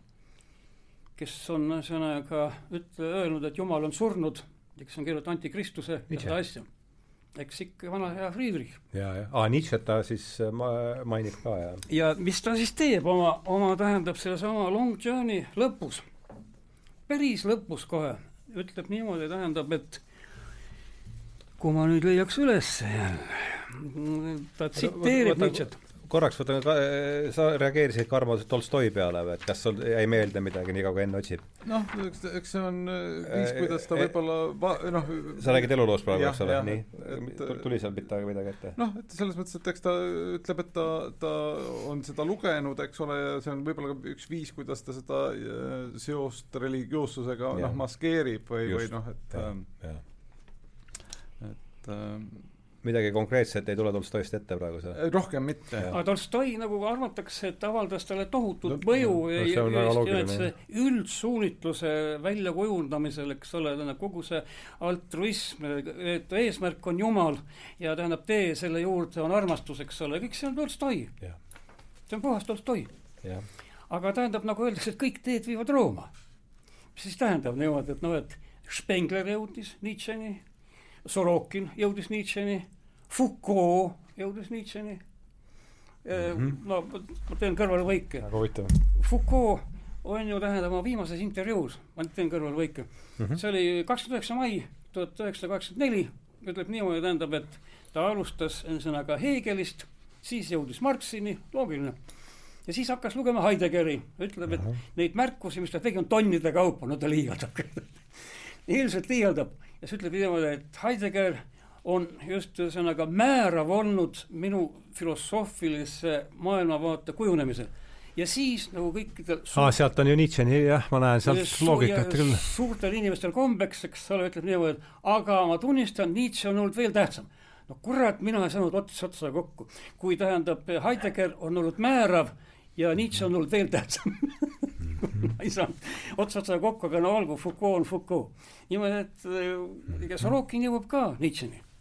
ma ütlen, ühesõnaga mees, kes hakkas talle meeldima mitte sellepärast, et ta, see on öelnud, et jumal on surnud mm. -hmm. huvitav. Kotistot ja, ja siis ühesõnaga antikristus, vaid hoopis teise asja pärast, üliinimese pärast äh, üliinimene pakkus Sorokini huvi siis? ma arvan küll, ma arvan küll, sest ühesõnaga, kui Sorokin ütleb oma Long John'i, John'i lõpus, ütleb niimoodi, et kus ta siis räägib, et ta kardab, eks ole, meelelise kultuuri koledat lõppu, aga loodab ikkagi, et noh, tulevad jõud, kes ühesõnaga ikka hoiavad selle ära ja nendele jõududele tähendab ta siis noh, hoiab pöialt, nagu, nagu öeldakse, sitkust ja jõudu soovib. ja siis aga praegustele inimestele tuletab siis meelde Nietzsche't, kusjuures ütleb, et siis Nietzsche ettemääratus praegustele inimestele kaasaegne inimene on häbi, inimene tuleb ületada. see on siis nüüd täpselt, ta tsiteerib, tsiteerib, eks ole, Nietzsche't ja mina nüüd siis äh, tõlkisin selle Sorokini, Nietzsche, äh, Sorokini nüüd siis, kes justkui tsiteerib Nietzsche't. no Nietzsche seda ei ole öelnud. aga Nietzsche on öelnud küll midagi muud. aga põhimõtteliselt see on seesama. kuigi ütleme noh, Sorokin on siin kombineerinud Nietzsche't, eks ole, on võtnud siin Antikristusest tähendab ja, ja, ja tähendab Ökonoomast ja Ich lehre euch den Übermenschen. Der Mensch ist etwas, das überwunden werden soll mm. -hmm. Was habt ihr getan, ihn zu überwinden? ühesõnaga mis see viimane lause oli? ei, überwinden. überwinden küll, aga seal, mis was saab ja getan. ihn zu überwinden. et ma olen, ma õpetan teile üliinimest mm. -hmm. niimoodi no see on ju Nietzsche. ja ma tean, mina nüüd tsiteerin tsiteerin Nietzsche't ennast juba. ja, ja ma räägin, jah. mitte Sorokinit, Sorokini versioonis, kes mm -hmm. on Nietzsche't, eks ole, noh, ühesõnaga seal natukene mudinud, kombineerinud, vaid tsiteerin Nietzsche't ennast. et ma õpetan teile üliinimest. inimene on midagi, et, et vas-, eks ole, et mis tuleb ületada või keda tuleb ületada mm. -hmm. Das überwunden werden soll mida teie olete teinud, et teda ületada? ahah, nüüd ma saan aru, jah. Was habt ihr getan, ihn zu überwinden? niimoodi, see on, tähendab, ja see on Zarathustral päris alguses kohe seal, mitte päris alguses, aga praktiliselt seal kusagil teisel leheküljel ja see on ju midagi Apollo ja Dionysose omavaheline, eks ole, vastuolu, omavaheline kemplemine, see, mis sobis väga hästi, tähendab äh, Sorokini meelelise ja, ja, ja siis tähendab ideelise jaoks, ühesõnaga Dionysos kui meeleline ja Apollo kui ideeline, eks ole mm. -hmm. see on teine asi, mis talle ilmselt võis meeldida. nii et vaatamata sellele et Nietzsche on, tähendab, üks kõige jõulisemaid, tähendab eh, Kristuse eitajaid, tähendab, ma arvan, et umbes sama jõuline võis olla Goebbelsi kõne Sportpalastis kaheksateist veebruar nelikümmend kolm, tähendab, mis oli Kristuse vastu ka suunatud. kõik, kõige jõulisemaid, tähendab, mäejutluse ümberlükkamisi. et sellesama mehe on Sorokin oma elu lõpus võtnud ja tõstnud kilbile mm,. Friedrich Nietzsche, tema Zarathustra eeskätt. kas sulle eluloost jäi Nietzschega seoses midagi meelde või ei jõudnud? ei, küll midagi mm -hmm. viidet ei meenu aga Goebbelsi kõne siis oli Kristuse vastu no, tähendab, ei, ta ei olnud, tähendab, otseselt Kristuse vastu, aga ta oli, tähendab, noh, kaudselt selle mäejutluse, noh, mäejutluse ideede ja väärtuste ümberlükkamine mm. -hmm. ma olen kunagi Vikerkaares kirjutanud Goebbelsi, tähendab, selle, Goebbelsi tingis. mis numbris see või mäletad? Vikerkaares oli tuhat üheksasada üheksakümmend kolm, number kaks. natsionaalsotsialismi enesetunnetus, Joosep Goebbels et see on, tähendab, üks kõige jõulisemaid mäejutluse ümberlükkamisi, noh, minu meelest kogu ajaloo vältel. mitte otseselt, aga tähendab, ühesõnaga noh, sisuliselt. ja, ja. Volti ja, ja, ja nii edasi, nii edasi mm. -hmm. et äh, Foucault ja Sorokin ja Spengler saavad lõpuks Nietzsche's kokku. aa, vaata kui huvitav. Foucault Spengler, no Spengler on ju ilmselt äh, Nietzsche mõju all mm. -hmm. ja lõpus tähendab, ma ei tea, kas varem, enne tähendab oma viimaseid eluaastaid, biograafid märgivad, et just viimastel aastatel, tähendab, kui ta oli jälle isolatsioonis ja noh, pettunud kõiges, et äh, sai talle Nietzsche armsaks. Ma ei usu, et Soroki Nietzsche varem oli tundmata, eriti just tänu sellele, et Nietzsche oli, tähendab, ägedalt Kristuse vastu võidelnud aga tähendab, et ta lõpuks, eks ole, jõuab oma suurima vaenlase juurde, tähendab niimoodi, vot see on tõeline kristlik armastus hmm.. Sorokin hakkas Nietzsche't kristlikult armastama. see on väga huvitav teekond tõesti. ja no õigesti tegi. Eks Nietzsche oli ka üks veidrik, tähendab, ja, ja tähendab no, või, või veel. jah, see, see neid ka kindlasti ühendas. jah no aga meil on siin nüüd jäänud pool tunnikest natuke vastu rohkem, äh, et äh, et hakkaks siis lõpp, vaatama kuidagi sinna lõpupoole, et Sorokin ja tema tähtsus tänasel päeval, nagu ma ütlesin, mina, mina äh, avastasin ta enda jaoks äh, vaevalt kolm kuud tagasi ja noh, sellest me rääkisime Karmoga siia sõites, et ega teda ju praegu noh, sina avastasid siis kümme aastat tagasi, eks, et et praegusest peavoolust on ta täiesti väljas või noh, kas täiesti väljas, aga et noh, tõenäoliselt tänu tänu Ennule me ta, temast siin siis äh, räägime, noh, ma, mina leidsin küll teise, teise, teist teed pidi jõudsin sinna, aga et äh, tänapäeva sotsioloogia ja Sorokin, et äh, siin on, tähendab niimoodi, et, et võtaks selle selliseks üheks lõputeemaks. ühesõnaga, enne kui sinna jõuda, ma tahaksin veel, tähendab, viidata ühele asjale mm. -hmm. et kuivõrd Sorokin tegi neid eksirännakuid ja lõpuks siis leidis, et ei pea tulema mitte kindlasti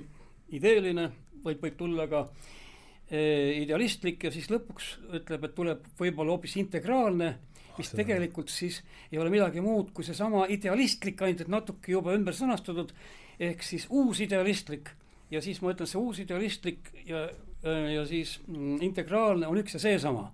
et seal on siis harmooniliselt koos see, mida tegelikult ta omistab juba Aquinole. meeleline, eh, siis loogiline, mõistuslik, eks ole, ja kaemuslik, intuitiivne. no seda ta räägib kogu aeg, et nad ei püsi hästi koos, aga et me aga seal nüüd, eks ole see on nagu need Platoni kolm hobust, mulle tundub. integraalses süsteemis nad saavad kokku. ja, ja. ja mismoodi nad saavad kokku, aastal tuhat üheksasada kuuskümmend ilmub niisuguses ajakirjas nagu International Journal of Comparative Sociology, jaanuar kuuskümmend ilmub üks Peter Sorokin, Mutual Convergence of the United States and the USSR to the mixed social cultural type ja siis leiab. palun veel pealkiri, kuidas alguses olid? Äh, Sorokin, ühesõnaga mutual, ühesõnaga mutual. ma annan. ah, oota, jah. ahah, seesama jah ja. väga huvitav. mina igatahes olen šokeeritud, kui ma seda lugesin. ahah et Sorokini eksilrünnakud ei lõppenud sugugi sellega, ma ei jõudnud siin tegelikult veel paljudest asjadest rääkida, aga no ma ütlesin, et kui hakkasin neid märkmeid tegema, siis ma taipasin, et kaks tundi tähendab ühesõnaga, et seda on harmetult vähe. aga tähendab noh. eks me saame jah, paratamatult siin neid mingeid asju markeerida. ja siis, milleni siis Sorokin jõuab, ma ütlen hästi lühidalt, katsun sõnastada, et nähes, et kõik need tema prognoosid ei ole päris hästi täide läinud, Sorokin siis nüüd ütlebki, et see integraalne, see, kus kõik need kolm väärtust, ühesõnaga siis meeleline, loogiline, religioosne, intuitiivne on omavahel ühendatud, et need saavad kokku nüüd selles integraalses tüübis ja see integraalne tüüp kujuneb sel teel, et kaks suurt rahvast, kaks suurt riiki lähenedes konvergents -hmm. lähenedes teineteisele lõpuks, eks ole, muutuvad aina sarnasemaks ja sarnasemaks mm -hmm. ja siis need tema ideed realiseeruvadki selles nii-öelda ühinenud eh, siis Ameerika-Vene superriigis või superühiskonnas, mis siis enam pole mitte Ameerika-Vene, vaid lihtsalt siis juba integraalne ühiskond, millele siis kõik, kogu maailm tuleb järgi, igaüks isemoodi. ja minu jaoks oli see šokk me näeme, eks ole. tuhat üheksasada, tuhat üheksasada kuuskümmend on see. kuidas praegu ühesõnaga üks nendest suurriikidest liigub, tähendab edukalt Mongoli tatari demokraatia suunas ja barbaar suunas tagasi, ühesõnaga, et Abendlandega vah, barbaar või midagi komme, selle kogus on tähendab ka, et ärka õhtu, barbarid on jälle ukse taga, see oli siis üks see suur rahvasriik, mis pidi siis lähenema ja kaotama ära kõik pahad jooned, nagu Ameerika riik ja ühiskondki ja ainult valitsused pahad, aga progressjõud olid tegevuses, toimetasid, eks ole, ja progressjõudude vääramatu, kui tuleb sõda vahele, valitsused, eks ole, pahad võivad sõda ju alustada, kui progressjõud saavad rahulikult toimetada, siis tulebki integraalne ühiskond, mille näidis on kõigepealt siin ja maailm järgib seda eeskuju. kas, kas see artikkel sulle, tuleb sulle see kusagilt ka ette, tuttav ette? ei, ma ei ole seda, eks ta on äh, palju kirjutanud, et siin äh, tema siis tal, tal on omanimeline fond, mis püüab tema, tema intellektuaalset pärandit elus hoida, et seal märgitakse, et ta on suutnud elu jooksul kaks tuhat artiklit äh, kirjutada lisaks äh, nagu ja. raamatutele, eks ole, et, et ta jõudis palju, et et aga noh, see eluloos ta mainib tegelikult, et ta kirjutas äh, Kennedyle äh, nagu, nagu isiklikult, et äh, püüdes teda nagu manitseda mitte sõtta minema Venemaa või noh, seda nagu Nõukogude Liiduga konfl-, sõjalist konflikti, vaid, vaid otsima nagu rahumeelset lahendust, et see haakub sellega, mida Enn siin just mainis, et et ja, ja noh, kusjuures ta oli veendunud, tähendab noh, kindel, et see Kennedy ei jõua, aga siis ütleb niimoodi, et et ehk mõni mm. Kennedy nõunik, kes siiski loeb läbi ja annab selle sisu, tähendab, presidendile edasi. aga minu teada see ei ole kunagi jõudnudki, tähendab, Kennedyni. noh, ilmselt. Äh, jah, aga ma loen nüüd äh, inglise keeles ette, tähendab selle mis võtab nüüd kokku nagu mõnes mõttes selle visiooni, millest ma siin rääkisin. ühesõnaga, et nüüd siis see ilus suur ühesõnaga integraalne ühiskond, mis ennem oli siis tähendab nagu aina paremaks muutuv, mis koosnes siis ainult Venemaast, noh, liidust ja siis Ameerika Ühendriikidest, mis said aina paremaks ja paremaks tänu progressjõududele. et see siis on tekkinud ja siis on nüüd niimoodi, mis tähendab, each country will be building this new order in its own variation and each variation is likely, pange tähele, to be nobler more creative and better than most of the previous social cultural orders in human history. et kõik ühesõnaga need, mis tulevad, need ühiskonnad, need on paremad, ühesõnaga õilsamad eh, kui loovamad kui need ühiskonnad, mis on kunagi maailmas varem olnud, mida on nähtud. Hmm.. väga ilus, väga ilus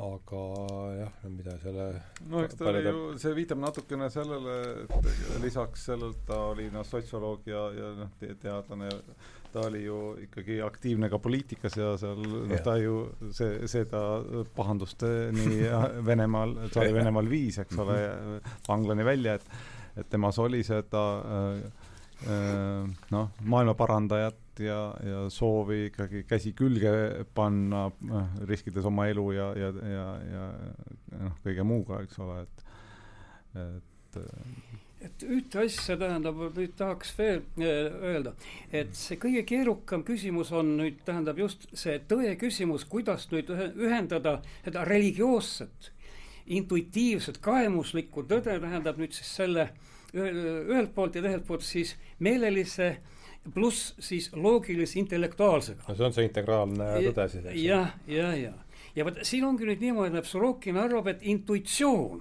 on see võlusõna, mis aitab teid ühendada. ta teeb siin väga oskusliku ratsukäigu. ta räägib sellest, et on olemas intuitsioon, näiteks teaduses mm, -hmm. on olemas religioon, religioosne intuitsioon mm -hmm. ja kahe intuitsiooni nominaalsest sarnasusest, nimelisest sarnasusest lähtudes leiab Äh, pardon, et äh, on võimalik täiesti neid ühendada, aga see on nominaalne, see formaalühendamine, sest need kaks intuitsiooni on, olid ja jäävad täiesti ühildamatuteks. religioosne intuitsioon, mis tuleb meile prohvetite läbi, ei ole ühildatav selle intuitsiooniga, mis oli, ütleme seal Poincarel või kellelgi teisel, eks ole. No mitte kuidagi ei ole. ainus võimalus tähendab ühendada Mm, seda või viia see äh, teaduslik või ütleme siis akadeemiline intuitsioon, no on tavaline intuitsioon veel, aga ütleme, teadlaste intuitsioonist räägitakse eriti palju, Sorokin räägib, eks toob näiteid, vaid see on niimoodi, tähendab, et me jõuame jälle kanti praktilise mõistuse kriitika juurde. see on niimoodi lihtsalt, me postuleerime, postuleerime Jumala, kes kannab selle eest hoolt, et teadlased usuksid et on olemas mingisugune kõrgem jõud, mis annab nende tehtud teadusele ka mingisuguse erilise eh, seninägematu jõu. see on Kanti praktilise mõistuse kriitika, kritiik der praktischen Vernunft. teist teed ei ole, see on seesama, mille kohta tähendab eh, Bulgakov meestris ja Margaritas Voland ütleb ühesõnaga, tähendab, kui ta hommikul endal oli kanti juures, et olete ühesõnaga kirjutanud midagi hirmus segast, eks ole, tähendab. et see näib, eks ole, väga tark, aga ta on hirmus segane. ja, ja tähendab siis noh, ütleb perioos, et kanti juures ühesõnaga hommikuöine tähendab ühesõnaga ja siis näitab ühesõnaga Ivanus, kellel on loll, eks ole. aga Voland oli tõesti seal kanti juures tähendab. Jaa ja kui juba meistrist ja Margaritast juttu, ühesõnaga, et seda minu silmad vist ei näe, et see tippteos ka kunagi tõlgitakse eesti keelde korrektselt ja täielikult hmm.. seda senimaani ei ole. Vene keeles ka ei ole. üks tähtis lõik on välja jäetud ja muus osas on eestikeelne tõlge täpselt selline, nagu on tõlkijad. nagu meil üldse on, ühesõnaga, et tõlgib igaüks, kes tahab ja tõlgib nii, nagu tahab. Nojah, aga mis mis mismoodi see teistmoodi saaks välja näha? lihtsalt tuleb korralikult tõlkida. jah, muidugi ei, ei tingimata ei välista ah, teineteist. seoses tõlkega tähendab sedasama asja juures siin, no ma toon ühe näite. ühe näite, et eh, mis mulle väga meeldis. Tonner vett alati loengu lõpus ka, tähendab, eks ole, kui mul mingi suur raamatute pakett tuli ees, tähendab, siis ma lõpuks, eks ole, tähendab, ei saanud enam päris sotti, tähendab, niimoodi, see on siis nüüd tõlgetest. kui näiteks on tõlge eesti keelde, on tõde, on vaimu ja mateeria võrdsus Aquino Toomase käsitluses. Noh, siis ma ütleksin niimoodi, tähendab, et, et jah, tegelikult on ta midagi muud. tõde oot, kuidas see oli, tõde? see on nüüd siis, ütleme, kriisi tõlge näiteks lehekülg sada seitseteist. Mhm. niimoodi, et et tõde on vaimu ja mateeria võrdsus. no kurat ja põrgus sellega, oleks isegi marksistid nõus. Lehekülg sada seitseteist. jah. aga see on siis noh, jälle see on Aquino. jah, see on mul ka välja siin adequatio rei et intellectus. Veritasest adequatio rei et intellectus, aga see tähendab niimoodi, et tõde tähendab asja ja mõistuse adekvaatsust või siis kooskõla. tõde tähendab asja ja mõistuse kooskõla, aga mitte vaimu ja mateeria võrdsust. No väike vahe. jaa, seda on jah. ta on üks neid kohti, mida siis äh, Sorokin on kasutanud näitamaks ühesõnaga, et kaks tõde, intellektuaalne tõde ja siis jumalik tõde on võrdsed. no mitte kuidagi ei ole. vaene Aquino nii, aga Karmo, midagi veel siin kõrvalt kommentaare, et äh, noh, et mul tuli meelde siin äh, sellega seoses see, et üks, üks teos, mis äh, Sorokini sulest on, noh, palju on tõlkimata, me räägime ainult üksikutest, mis on tõlgitud, aga, aga üks on see, mis ma sullegi laenasin, see uh, Facts and Problems of Modern Sociology and Related uh, Sciences. Yeah..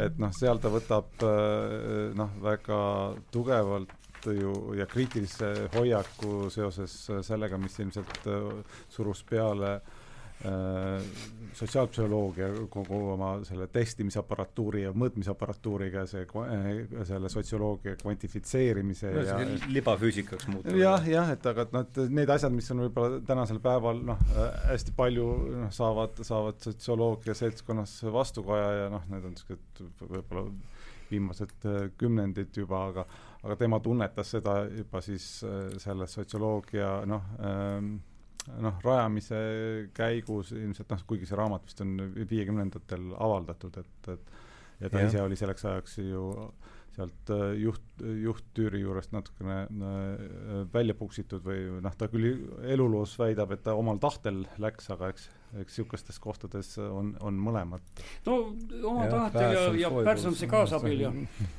aga ta, temaga oli siis äh,, Parsonsiga olid ikka siis nii äh, teravad, ahah, lausa nii, jah?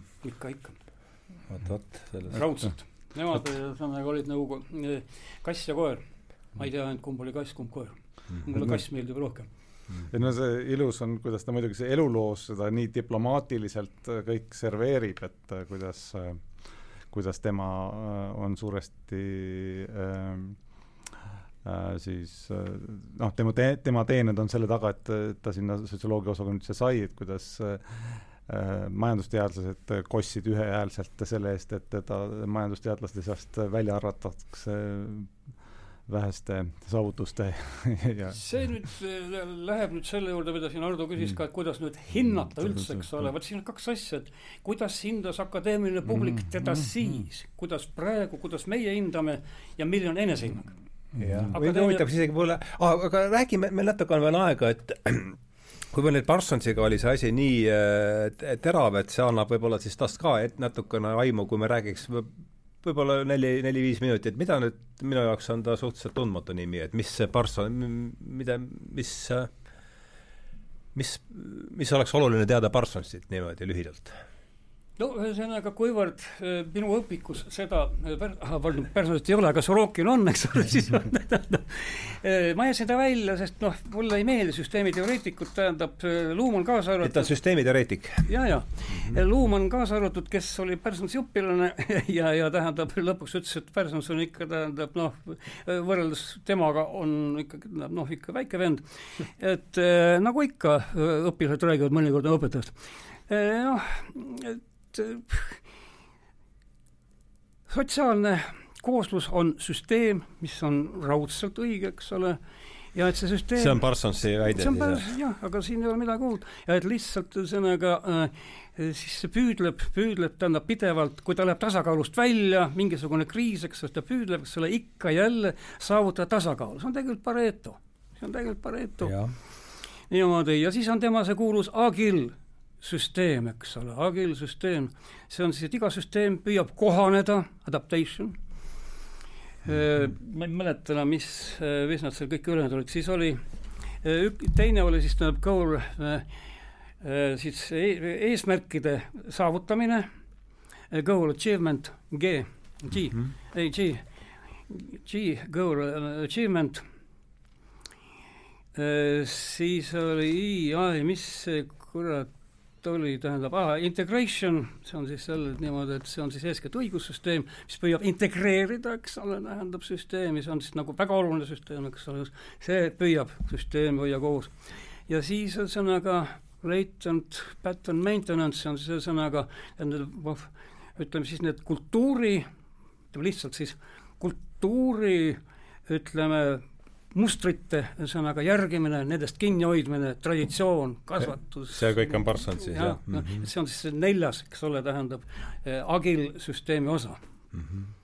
ja see on kõik tema, see on põhiline tema kohta. tahad lisada midagi Parsons, no, Parsonsi kohta? teda noh, eh, ta oli Harvardis, eks alguses äh, majandusteaduskonnas, ta püüdis niisuguse action, noh, inglise keeles öeldakse mõnikord, et action theory, et, et noh, et see alguses tegi jah, jah. et äh, meie äh, tegevused on kõik eesmärgipärased, eks ole, mis noh, kes oskab ridade vahelt lugeda, et see ei ole ju äh, palju erinev äh, kaasaegsest äh, mikroökonoomikast, eks ole, et sa mm -hmm sa noh. No siis pole ime, et neile Sorokiniga no, suusad risti läksid üsna kohe.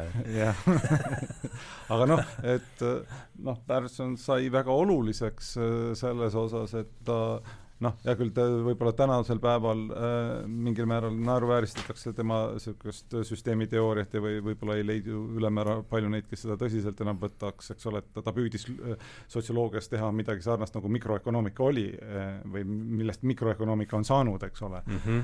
Äh, ja sellest Aha. on lahti nagu öeldud mm, -hmm. äh, aga aga samas äh, noh, on ka neid, kes äh, tunnistavad Personi vähemalt selles osas, et temast sai võt-, võtmefiguur selles, et äh, kui asutati siis äh, rahvuslik äh, teadusfond, National Science Foundation USA-s, et sotsioloogia äh, sai ikkagi äh, nii-öelda institutsionaliseeritud ja tunnustatud kui äh, teadusvaldkond, tal tekkisid, eks ole, noh, äh, sotsioloogile tekkis äh, võimalus teadusrahadele äh, kandideerida.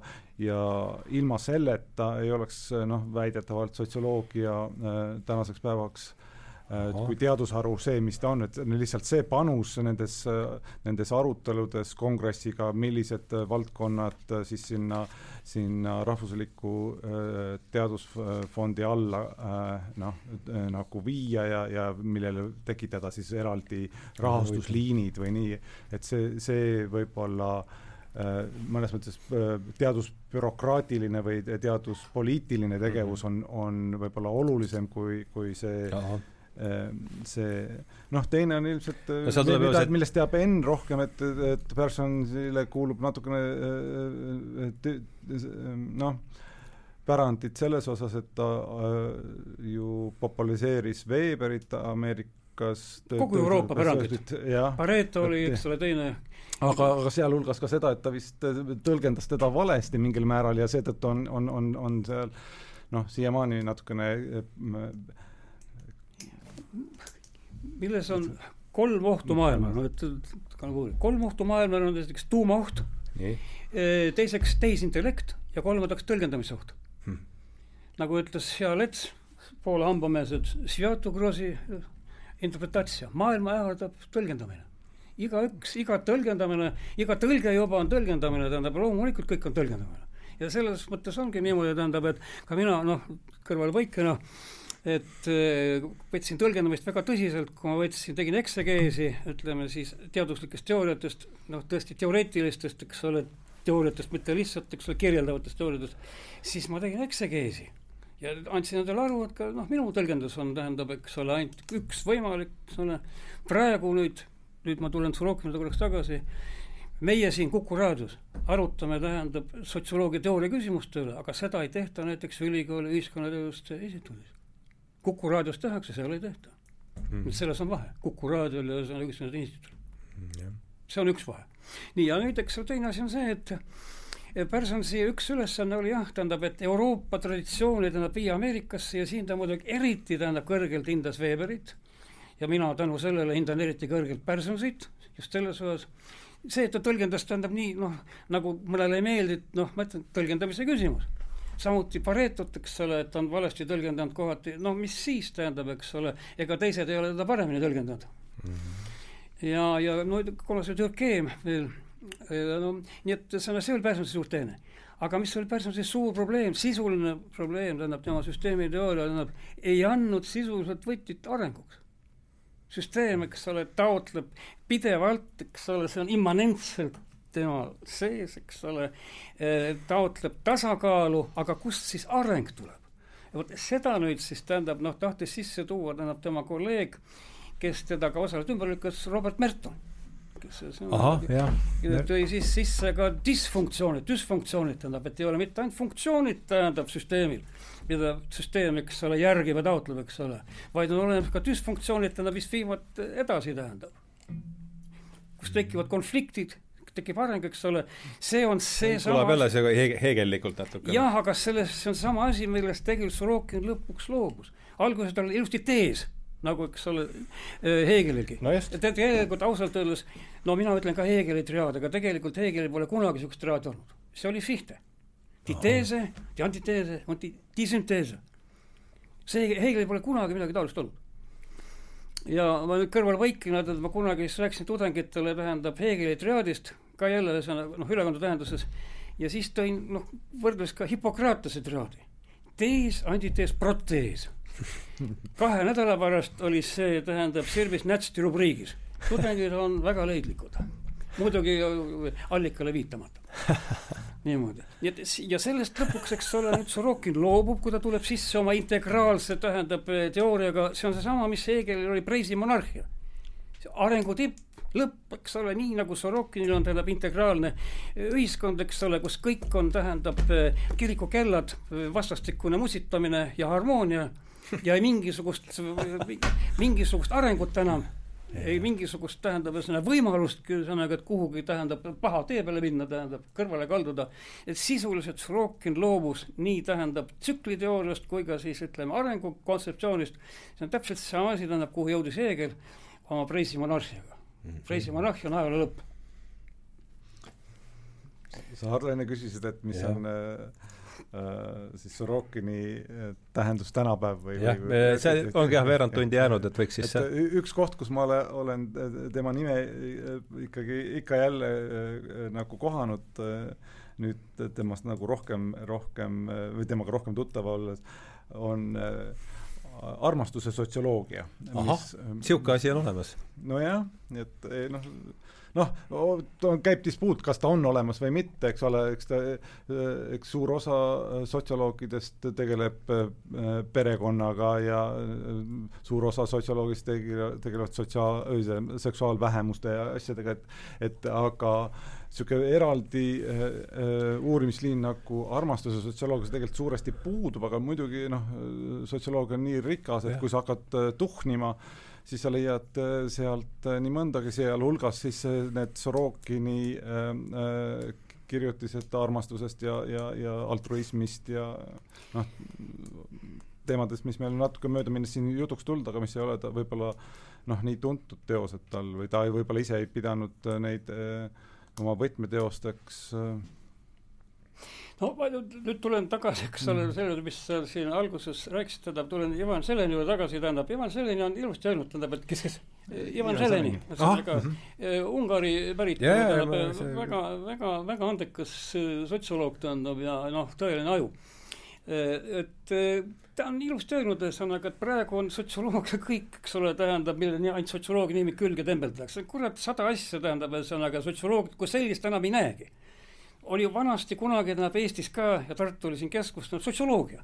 nüüd on iga asi, millega keegi tegeleb, on juba see ja see sotsioloogia, kas siis lapsepõlve sotsioloogia, unenäo sotsioloogia, armastuse sotsioloogia, kuriteo sotsioloogia, ühesõnaga õlle sotsioloogia, kurat, kõik on sotsioloogia kus kasutatakse, tähendab küsitluse meetodit, eks ole, ja lihtsalt juba ongi sotsioloogia. sotsioloogiat ei ole enam. Tartu Ülikoolis sotsioloogia puudub, nüüd on olemas, tähendab infoühiskond ja sotsiaalne heaolu sotsioloogiat ei ole enam. see, see haakub hästi tegelikult äh, Sorokiniga, et Sorokin mainib, et kui tema sealt äh, Harvardist äh, lahkus, et siis ühendati sotsioloogia osakond, mis ta oli sinna loonud, siis antropoloogia ja sotsiaalpsühholoogia või ja, ja, ja, ja sellest, sellest sai Pearsoni all suuresti siis äh, inimsuhete äh, teaduskond või mis see täpne tõlge võiks olla? noh, pole tähtsust, ühesõnaga mõte on selge. No ühesõnaga selge, et nii palju, kui ma kuulsin, et Parsonsi ja Sorokini temperamenditüübid on tõenäoliselt äh, ikkagi üsna no, erinevad. temperamentne muidugi Sorokin oli, Parsons nii temperamentne ei olnud. ei no ma mõtlen, ma mõtlen nüüd temperament kui sellise tulisuse võib-olla, aga, aga muide, see, sellise isikutüübid, ütleme, siis olid suhteliselt erinevad. aga muide, see on väga õige märkus, Sorokin oli temperamentne, igas mõttes. see niisugune tähendab noh, et kas see nüüd oli sellest ühesõnaga, et kunagi talle isa tähendab haamriga pähe valas, eks ole, tähendab siis, kui tähendab, oli see jälle isa, noh, jälle seesama teema, et papal oli, tähendab, väikene niisugune, tähendab, nirvaana peal, tähendab, ja siis peksis, tähendab, pikiriimi, tähendab, ja kasutas niisugust progressiivset instrumenti, tähendab, nagu haamer. Ja siis noh, see oli siis juba liig. jah, sellisest armist on siin juttu isegi Vikipeedia jaa, aga minu teada ta sai haamriga, tähendab, ühesõnaga aga nii, see selleks, nii et noh, temperamentne ta oli jah, ja, ja kusjuures see sai talle ka mõnes mõttes saatuslikuks, ta nii palju vaenlasi oli. sest ta sõimas läbi praktiliselt, eks ole, iga mehe, eks ole, kes talle ei meeldinud, tähendab. ja sageli tähendab ikkagi vale, valimata väljendeid, tähendab, noh. ühesõnaga, või siis noh, ütleme akadeemias plaanis tähendab noh, väga teravalt mm. -hmm vot selles mõttes Pärsons oli, tähendab, muidugi hoopis tasakaalukam, no täpselt niimoodi nagu süsteemiteooria ikka püüdles pidevalt tasakaalu poole, iga Pärsons oli väga tasakaalukas. nii et noh, aga Sorokin oli võitleja, võitleja tüüp tähendab lõpuni ja tähendab noh, ta on ise ka öelnud ühesõnaga, et tal on tänu sellele palju vaenlasi ja muidugi enesehinnang oli tal tohutult kõrge. Aha. mis sai talle ka ühesõnaga väga tihti noh, ühesõnaga kas nüüd saatuslikuks, aga noh, mõjus, ütleb niisugune sama dünaamika sõnaga puhul, eks ole, et et noh, akadeemilistes ringkondades tähendab noh, hinnati teda noh, ühelt poolt skeptiliselt, teiselt poolt, eks ole, kiideti taevani, aga selge on see, et dünaamika on ületamatu, jääb veel aastakümneteks ületamatuks ja midagi taolist enam ei kirjutata. no mis mõte sellest on? noh, no ütleme niimoodi, tähendab, et eks ta oli muidugi, tähendab, kogutud materjali mõttes, empiirilise materjali mõttes, oli muidugi tohutu, massiivne. kaks tuhat üheksasada kaksteist lehekülge kokku, eks ole aga kas ta nüüd ületamatu on, noh, seda on aeg näidanud mm. -hmm aga kui me nüüd äh, tänapäeva sotsioloogiast, et ah, noh, see oli juba, Karmo tegelikult tõi välja see armastuse sotsioloogia jah, et seal on tema, seal tuleb ta nimi no, mina ausalt öeldes jälle segan vahele, et see armastus, kõik need kuradi nohusotsioloogiad, pühasotsioloogiad, armastussotsioloogiad, kakasotsioloogiad, kurat. ma saan, ma jagan seda, ka seda arvamust jah. sotsioloogia tahab ka puhas olla ta tahab ka olla teadus, kuule, mitte niimoodi, et kõik ujuvad tema nime, nime kasutades ujuvad, tähendab tema tiiva alla, kurat, ja siis no see on see üleüldine studies praegu, see, see studies ja see studies ja kõik, kõik uurivad. Äh, ja praegu on just seesama asi on juhtunud täna Tartu Ülikoolis, eks ole. sotsioloogiat enam ei ole mm. -hmm. kui ma praegu, noh, kujutan ette, et teeksin eksami ja võtaksin ette mõned naisprofessorid, kes peaksid sotsioloogia teooriat tundma, nad ei teeks mulle eksamit ära. Mitte mingi juhul ei teeks, nad ei tunne absoluutselt teooriat lihtsalt tuntakse käsitööd, meetodid, eks ole, tulevad tellimustööd, kas poliitilistelt mm -hmm. või tähendab kusagilt muud, ühesõnaga äh, äh, omavalitsustelt tulevad tellimustööd, eks ole, siis kogutakse andmeid, eks ole. kõik on, kõik on tõenduspõhine justkui. võrreldakse, tähendab siis mõne koostööpartneriga läänes, avaldatakse läänes jälle üks, üks publikatsioon kirjas, tähendab, ja tulevad valimised, lähevad kirja, eks ole, aga teadust ei ole enam. Mhm. kui teadusel on, tähendab, kolm astet kirjeldamine, seletamine ja prognoos ja prognoos saab põhineda ainult seletamisel, siis praegu tähendab, meie sotsioloogia on taandunud tagasi kirjeldavasse staadiumisse. kurb. ja ta jääbki sinna, sest ühesõnaga ei ole mingisugust põhjust, eks ole, sest nii on mugav mm. -hmm nojah, aga kogu see meeleline tõesüsteem, millel see praegune lähenemine rajaneb, kui me nüüd Sorokini tõsiselt võtame ja see on nüüd omaette kui, et siis see, siis see on lagunemas ja ma ei tea, mis te sellest põhiteesist, nüüd ongi jäänud kümmekond minutit, et noh, no seesama, mis, seesama lõik ikkagi, mille luges enne ette.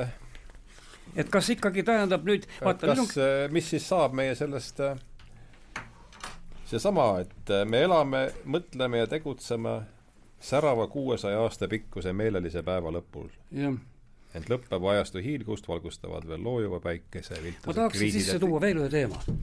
küsimus on tihti selles, et me vaatame mingit autorit ja võtame need seisukohad, mille ta välja on öelnud, tähendab oma, ütleme siis loome per-, viimasel perioodil. aga miks me peame niimoodi asja lähenema? Võtame näiteks Sorokini, jääme aasta juurde kolmkümmend seitse ja lähtume sellest, kes meid keelab. see on meie õigus tõlgeda niimoodi ja vot nüüd tekib küsimus, kas see selline ideeline süsteem on veel tulemas, vot see on see, mis võlub neid, eks ole, tähendab, eh, kellele Sorokin meeldib.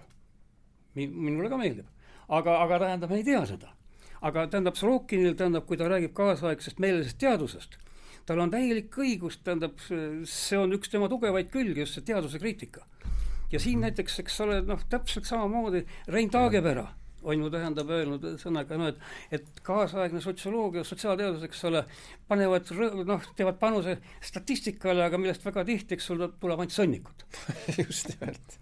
Sest ühesõnaga mõõdetakse kõike, aga ühesõnaga teadmata, mida mõõdetakse üldse et ei ole loogilist, eks ole, mudelit, teoreetilist mudelit, mis ütleks, mida tegelikult tuleb mõõta, vaid mõõdetakse lihtsalt seda, mida tellimustöö ilmselt noh, nõuab. ja, mis numbrid parajasti on kuskil. ei no see on natukene haakub selle tema teose, see, mis ma mainisin, et see Fads and ja. Bubbles of seda ma natuke sirvisin, jah. ja Sorokin on selle ilusti sõnastanud terminiga kvantofreenia.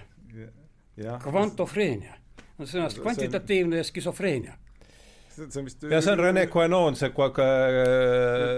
kvantiteedi kult, kultus ja vist kvantofreenia, ütleb Sorokin. see on vist üks, üks peatüki see on päris hea. sellest samast raamatust. ja, ja mille kohta siis kvantofreenia. kvantofreenia ja Taagepera on... ütleb väga ilusti, see on niimoodi, et teadus kõnnib kahel jalal, ent praegused sotsiaalteadlased katsuvad keksida ühel jalal no see kvantofreenia, kas see pole mitte sellesama meelelise, meelelise süsteemi selline noh, apoteoos lõpuks? ei no see ongi ühesõnaga mingil, mingil moel on kõik kokku öeldud, et kõik see, mis on kuidagi mõõdetav, see on olemas.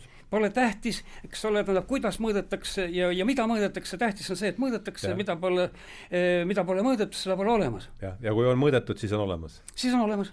täpselt, ja see, see, see on see fundamentaalprobleem. jah, siis on ontoloogiliselt asi paigas, eks ja. ole, kõik, šluss ja, ja tähendab noh, ja Taagepera on ilusti öelnud, kui teadus kõnnib kahel jalal, et praegused kõnnivad, püüavad sotsiaalteadused. seda ütles Taagepera? jah, jah, see on noh, kurat ma ei mäleta, see oli, tähendab, akadeemias kusagil on ilmunud e,, väga ilusti öeldud mm. -hmm. Rein on selles mõttes, tähendab ikkagi noh, tõeline noh, klassik juba, tähendab noh, tema tunneb teadusmetodoloogiat ja füüsikuna on ta väga range ja, ja tähendab, näeb noh, sotsiaalteaduste hädasid. ja kuivõrd ta ütleb niimoodi, siis tähendab seda, et sotsiaalteadused läbi lillede ei ole teadus see on täpselt niimoodi, tähendab, et sotsiaalteadlased keksivad ühel jalal, lihtsalt ainult empiirilisel jalal aga puudub teoreetilis-loogiline jalg mm. -hmm. Mm -hmm. no ta ütleb niimoodi, et minu viimane raamat, noh, see on nüüd tükk aega tagasi juba, ongi sellest, et sotsiaalteadused on läinud valele teele, lootes kõiki lahendada statistilise analüüsi teel, mis toob tihtipeale sõnnikut mm. -hmm. ja see on täpselt see ka, mida on Sorokin öelnud. et ja toetan kahe käega. jah oh, see tsitaat, võib-olla siis lõpetamegi sellega, et see tsitaat on nüüd käinud ka siin mitmest saatest juba läbi ja kuivõrd see teema on mulle praegu südamelähedane, siis äh, tuleme selle juurde tagasi, et see on nüüd viimasest intervjuust äh, viimases lehes äh, David Lorimeriga. ja me jõudsime ja, ja me rääkisime siin alguses ka, et mulle pakkusid just huvi äh, Sorokini see epistemoloogia et on meil, eks ole, siin siis me saame maailmast teadmise kolme teed pidi, meelte mm, -hmm. intellekti ja intuitsiooni kaudu. ja, ja siis oleme samas kohas tagasi järgmises lehes. et me jõuame siin ühe Iiri äh, filosoofia kirjaniku John Moriartini ja ma küsin ta käest siis, David Lorimeri käest, et John Moriarty arvas, et järgmine suur teadusrevolutsioon saab olema just nimelt epistemoloogiline ning selle käigus jõutakse põhimõtteliselt uute teadmiste hankimise viisideni Te olete temaga tõenäoliselt ühel meelel. ja, vastus on, et olen küll, meie praegune epistemoloogia on võrdlemisi piiratud. põhiprobleemi on kõige lihtsam selgitada vast püha, püha Bonaventura kolme silmakujundi abil. Bonaventura sõnu, Bonaventura, Bonaventura sõnul on meil meeltesilm, analüütiline silm ja kontemplatiivne silm. ja, ja ega vist ei no, jah, las ta jääb, kisub ju siiasamma, eks ole eks ole ju. küsimus on selles, et seesama, ütleme siis kaemuslik kontemplatiivne, eks ole. see, see on, kolmas jalg on täiesti puudu siis põhimõtteliselt. kuidas me siis tegelikult sinna jõuame, sest Sorokin annab endale ise ka aru, et seda ei anta, tähendab niisama issand armust ikkagi. seda on vaja ka ikkagi harjutada, tähendab, ja see, tema see ja seda ei harjutatud mitte ülikoolides, vaid kloostrit, kloostrites. ka püüdis teha, tähendab, aga et see ei ole niisama lihtne, et nüüd hakkame, tähendab, nüüd hakkame, tähendab, ühesõnaga kaemust, kaemust kasutama, eks ole. jah, ja veel kord, et seda ei harjutata mitte ülikoolides, ülikoolides, vaid harjutati ikkagi kloostrites, nii, nii, nii vähe kui mina minu meelest tuleb ühesõnaga kasutada umbes niimoodi, et me peame lõpp, nii palju kui võimalik välja väänama seda kvantofreeniat, tähendab lihtsalt ühesõnaga seda noh, statistilist pudi-padi tähendab, eks ole igasugust jama, eks ole, millel keegi ei loe neid artikleid, mida sadade tuhandete kaupa iga päev vorbitakse no, tähendab, võib-olla kui loed, siis antakse sulle artikli kirjutaja vaenlased, eks ole see täpselt niimoodi sama asi, nagu tähendab, Hitler kirjutas, tähendab, Rosenbergi, tähendab, kahekümnenda sajandi müüdi kohta. et see on loll pant-, loll piiratud baltisakslase pahn, eks ole, millega on kursis ainult meie vaenlased, kurat noh ja sama asi on, tähendab, nende tohutute artiklitega, mida keegi ei loe, mis on tellimustööd, mõttetu lihtsalt empiirilist, väike, väikene andmetöötlus tähendab ja jälle teadus, no see ei ole teadus. noh, siin jah, mind ei pea selles veenma küll. see on niimoodi, et kui nüüd tehisintellekt areneb veelgi, siis ütleme niimoodi, üheksa protsenti sotsiaalteadlasi kümne aasta pärast kaotavad töö. jah, sest chat-GPT kirjutab ja loeb selle plahna ise läbi ka kohe. Ja. ja kirjutab selle peale ka uue. prognoosi üheksakümmend protsenti umbes kümne aasta pärast meie praegustest sotsiaalteadlastest, niinimetatud sotsiaalteadlastest kaotavad töö ehk teiste sõnadega võib seda mõtelda ka niimoodi, et see kiirendab praegu sellesama meelelise süsteemi hukku ja ja, ja me oleme sellest, kes ta on, meil oli see uus nimi minu jaoks, Immanuel Waller, Wallerstein, Wallerstein.. tema graafikus tundub olevat eh, ees praegu. aga mis ma, milleni ma jõudnud, tegelikult kõige suurem oht ähvardab meid siiski kuskil mujal, see on just nimelt tehisintellekt. see on asi, tähendab, mis võib saada meile saatuslikuks nüüd, kui küsida, eks ole, mida Sorokin arvaks, eks ole, tehisintellekti marulise arengu kohta, kaks võimalust. kas ta arvaks ühesõnaga, et sõna jõud on suur ja et võib õpetada robotit, eks ole, kristlikuks? Millega ma kahtlen sügavalt, või siis ühesõnaga ta ajaks käed püsti lõplikult, ütleb, et selle maailmaga on kõik et ühesõnaga jumala nuhtlus tulgu selle maailma peale. kristlik room Karmo, ütle see, võtame lõppsõna veel, me, me oleme nüüd siin stopperiga järgi võta ja kaks tundi on enam-vähem see formaat olnud seni, et mis on, mis, aa, viimane küsimus, alustame Karmost, mis jäi tänasest äh, vestlusest meelde?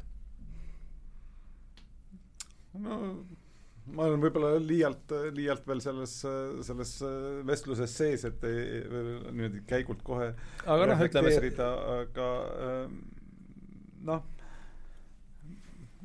ma vajaks ilmselt natukene järelemõtlemist, aga, aga, aga, aga noh, kindlasti see, mida me puudutasime siin palju ja, ja siin lõpupoole tulime, jõudsime selle juurde tagasi, eks ole, et et mis see teadus on üldse ja mis ta Sorokini nägemuses ol-, oli, kuidas ta võib-olla noh, peitis või varjas natuke oma seda religioosset poolt ja, ja, ja seda, et sul on teaduse tegemisel vaja ka intuitsiooni, millest noh, vist Taagepera nime oma mudelites räägib kui noh, et hunch, ma ei tea, mis see hea tõlge eesti keelde võiks olla. aimdus. aimdus, eks ole, et noh, kus selle aimduse juured on või kas seda saab treenida, et Ähm, noh, ma arvan, et palju Sorokini niisugust äh, äh, noh, sotsioloogilist äh, produktsiooni, äh, loomingut on ikkagi äh, seotud tema enda elukäiguga, et sealt need, need, need aimdused tulid, noh, võib-olla alates sellest, et mis teemad teda kõnetasid, mida ta pidas vajalikuks nagu käsitleda, aga noh, see, mis käsitluse sa võtad, on ikkagi vägagi personaalne või noh, lausa intiimselt läbi elatud tema jaoks, mulle tundub. jah, olen, olen nõus. et midagi veel? ja noh, ega siin võib-olla ma läheks liiga detailseks, et see lõppsõnasse see ei, ei, ei, ei, ei, ei sobiks nii hästi. aga Enn, mis enda lõppsõna lihtsalt, et kas midagi meelde või midagi tahad veel lisada, mida pole öelnud? no teemasid, mis nüüd sai käsitletud Sorokini tiiva all, oli ikka, päris palju, tähendab. palju oli jah, ma sain ikka mitu lehekülge tegema ja, ja tähendab, et siin nüüd kuidagi seda kokku võtta on vist noh, on, on praktiliselt võimatu. aga noh, tekib nüüd küsimus, tähendab, et Sorokin, aga mis edasi, kas Sorokin on prohvet või ei ole? esiteks küsimus niimoodi, me ei tea kui me võtame selle Sorokini esimese perioodi, siis me ei tea veel. prognoos tähendab, mulle meeldib mm. -hmm. aga noh, senimaani on näidanud, et noh, kõik need prognoosid tähendab, nagu Marxi prognoos, eks ole, tähendab, kui keegi on pannud so prognoosi, siis ta hakkab ootama kohe selle prognoosi täitumist. muidugi. ja täpselt nii, nagu Marx ühesõnaga oma prognoosi äh, oodates ja Venemaa, Venemaad käsitles läks lõplikult alt ja loobus tegelikult äh, äh, paaris kirjas üldse ajaloo materialistlikust käsitlusest, mida vähe teatakse. nii ka Sorokin, tähendab, ühesõnaga sattus, sattus, tähendab probleemi ette, kui tema prognoos ei täitunud. aga see, et ta pole seni täitunud, ei tähenda veel seda, et see kunagi ei täituks kas nendel põhjustel, mida Sorokin on välja toonud, me ei tea, aga prognoos on ilus ja tõenäoliselt noh, sellel meelelisel kultuuril on nii palju puudusi ja nii palju vastuolusid, et ta ei saa lõpuni olla edukas. ja üks nendest on just nimelt üks nendest vastuoludest, mida ma näen tulemas ja süvenemas, on see, millega Sorokin üldse ei arvestanud, see on tehisintellekt ma näen siin alles ühesõnaga seda see... jumala viha tulemas, kasutades Sorokini terminit. nii et Sorokinit kasutades tähendab, et me ei tea, kas tema prognoos täituks ja me ei tea, või täitub, me ei tea ka seda, mis tegelikult juhtuma hakkab, sest praegu on tulnud ajaloo areenile uus ja selline jõud, tähendab, mida Sorokin üldse ei arvestanud ja millega me keegi isegi veel kümme aastat tagasi ei arvestanud. aga see võib olla, tähendab, just määrav no siin käis kolm riski läbi, tuumaoht äh,, ai ja tõlgendus. kolm jah, ühesõnaga, et siis tuumaoht, äh, siis äh, tähendab tuumaoht on noh, reaalne, tehisintellekt ja tõlgendus. Sviatoglosi interpretatsioon. no aga kena, aitäh teile, et te leidsite kaks tundi oma elust, et tulla mind ja raadiokuulajad harima sellisel olulisel teemal nagu Piti Riim Sorokin ja mina võtan sellest lau-, sellest kahetunnises vestluses kaasa sõna kvantofreenia. see on minu jaoks, see sobib sellesse, see on sa, sa leiad peatüki sellest Fats and Popes jah, just täpselt, ma tean, kus on see järgmine koht, kuhu minna, sest see tundub olevat see kui meil saate nimi oli Meie ajastu kriis, siis meie võiks hästi sama hästi olla ka meie kvantofreenia, meie ajastu põhiprobleem. et ja. Äh, minu, nii näen mina, see ei Kusjuures, ole kellelegi teisele kohustuslik. kummaline on selle kvantofreeniga see, tähendab, et mida rohkem, tähendab, me mõõdame, mida rohkem me välja arvutame, seda määramatum on meie tulevik, sest väljaarvutatavus viib tehisintellekti täiustumiseni ja tehisintellekt seal on rohkem numbreid, millega mängida. viib omakorda selle, et me ei tea, meie määramatus muutub aina suuremaks. mida rohkem me mõõdame, arvutame, seda suuremaks muutub määramatus. ja, ja seda suuremaks jääb ka see äh,, noh, mul see, seda lugu on siin mitu korda, olen saadetes maininud, aga et üks äh, kabaree artist Vaimari päevilt, Valentin, temal olevat olnud niisugune number, et äh, läheb kardin lahti ja siis on seal siis valgus, äh, see valgu-, lahternaust ja põrandal on siis väike valgussõõr ja Valentin otsib seal midagi, kõik näevad, seal ei ole midagi, siis tuleb politseinik sinna otsima appi talle, siis küsib, et aa, et mis sa siin otsid, ma otsin võtmeid. ja siis politseinik aitab otsida, seal ei ole võtmeid ja siis politseinik küsib, et oled sa kindel, et sa need võtmed siia jätsid? ei, et ma, või kaotasid, ei, ma kaotasin nad sinna. Aga miks sa siis siin otsid, no seal ei ole valgust. et, et noh, see on see kuidagi ka selle skisof-, või mis ta kurat oli, kvantofreeniaga ju mm. kuidagi, nii et see minu jaoks läks vestlus väga korda, ma tänan teid, Enn Käärik, Karmo Kroos, et et te tulite ja ja tõmbame siis joone alla ja lähme lahku suuremate sõpradena, kui me enne veel olime konsumaatumist. see on hea perspektiiv. jah, eks ole saame teinekordki kokku, nii. jah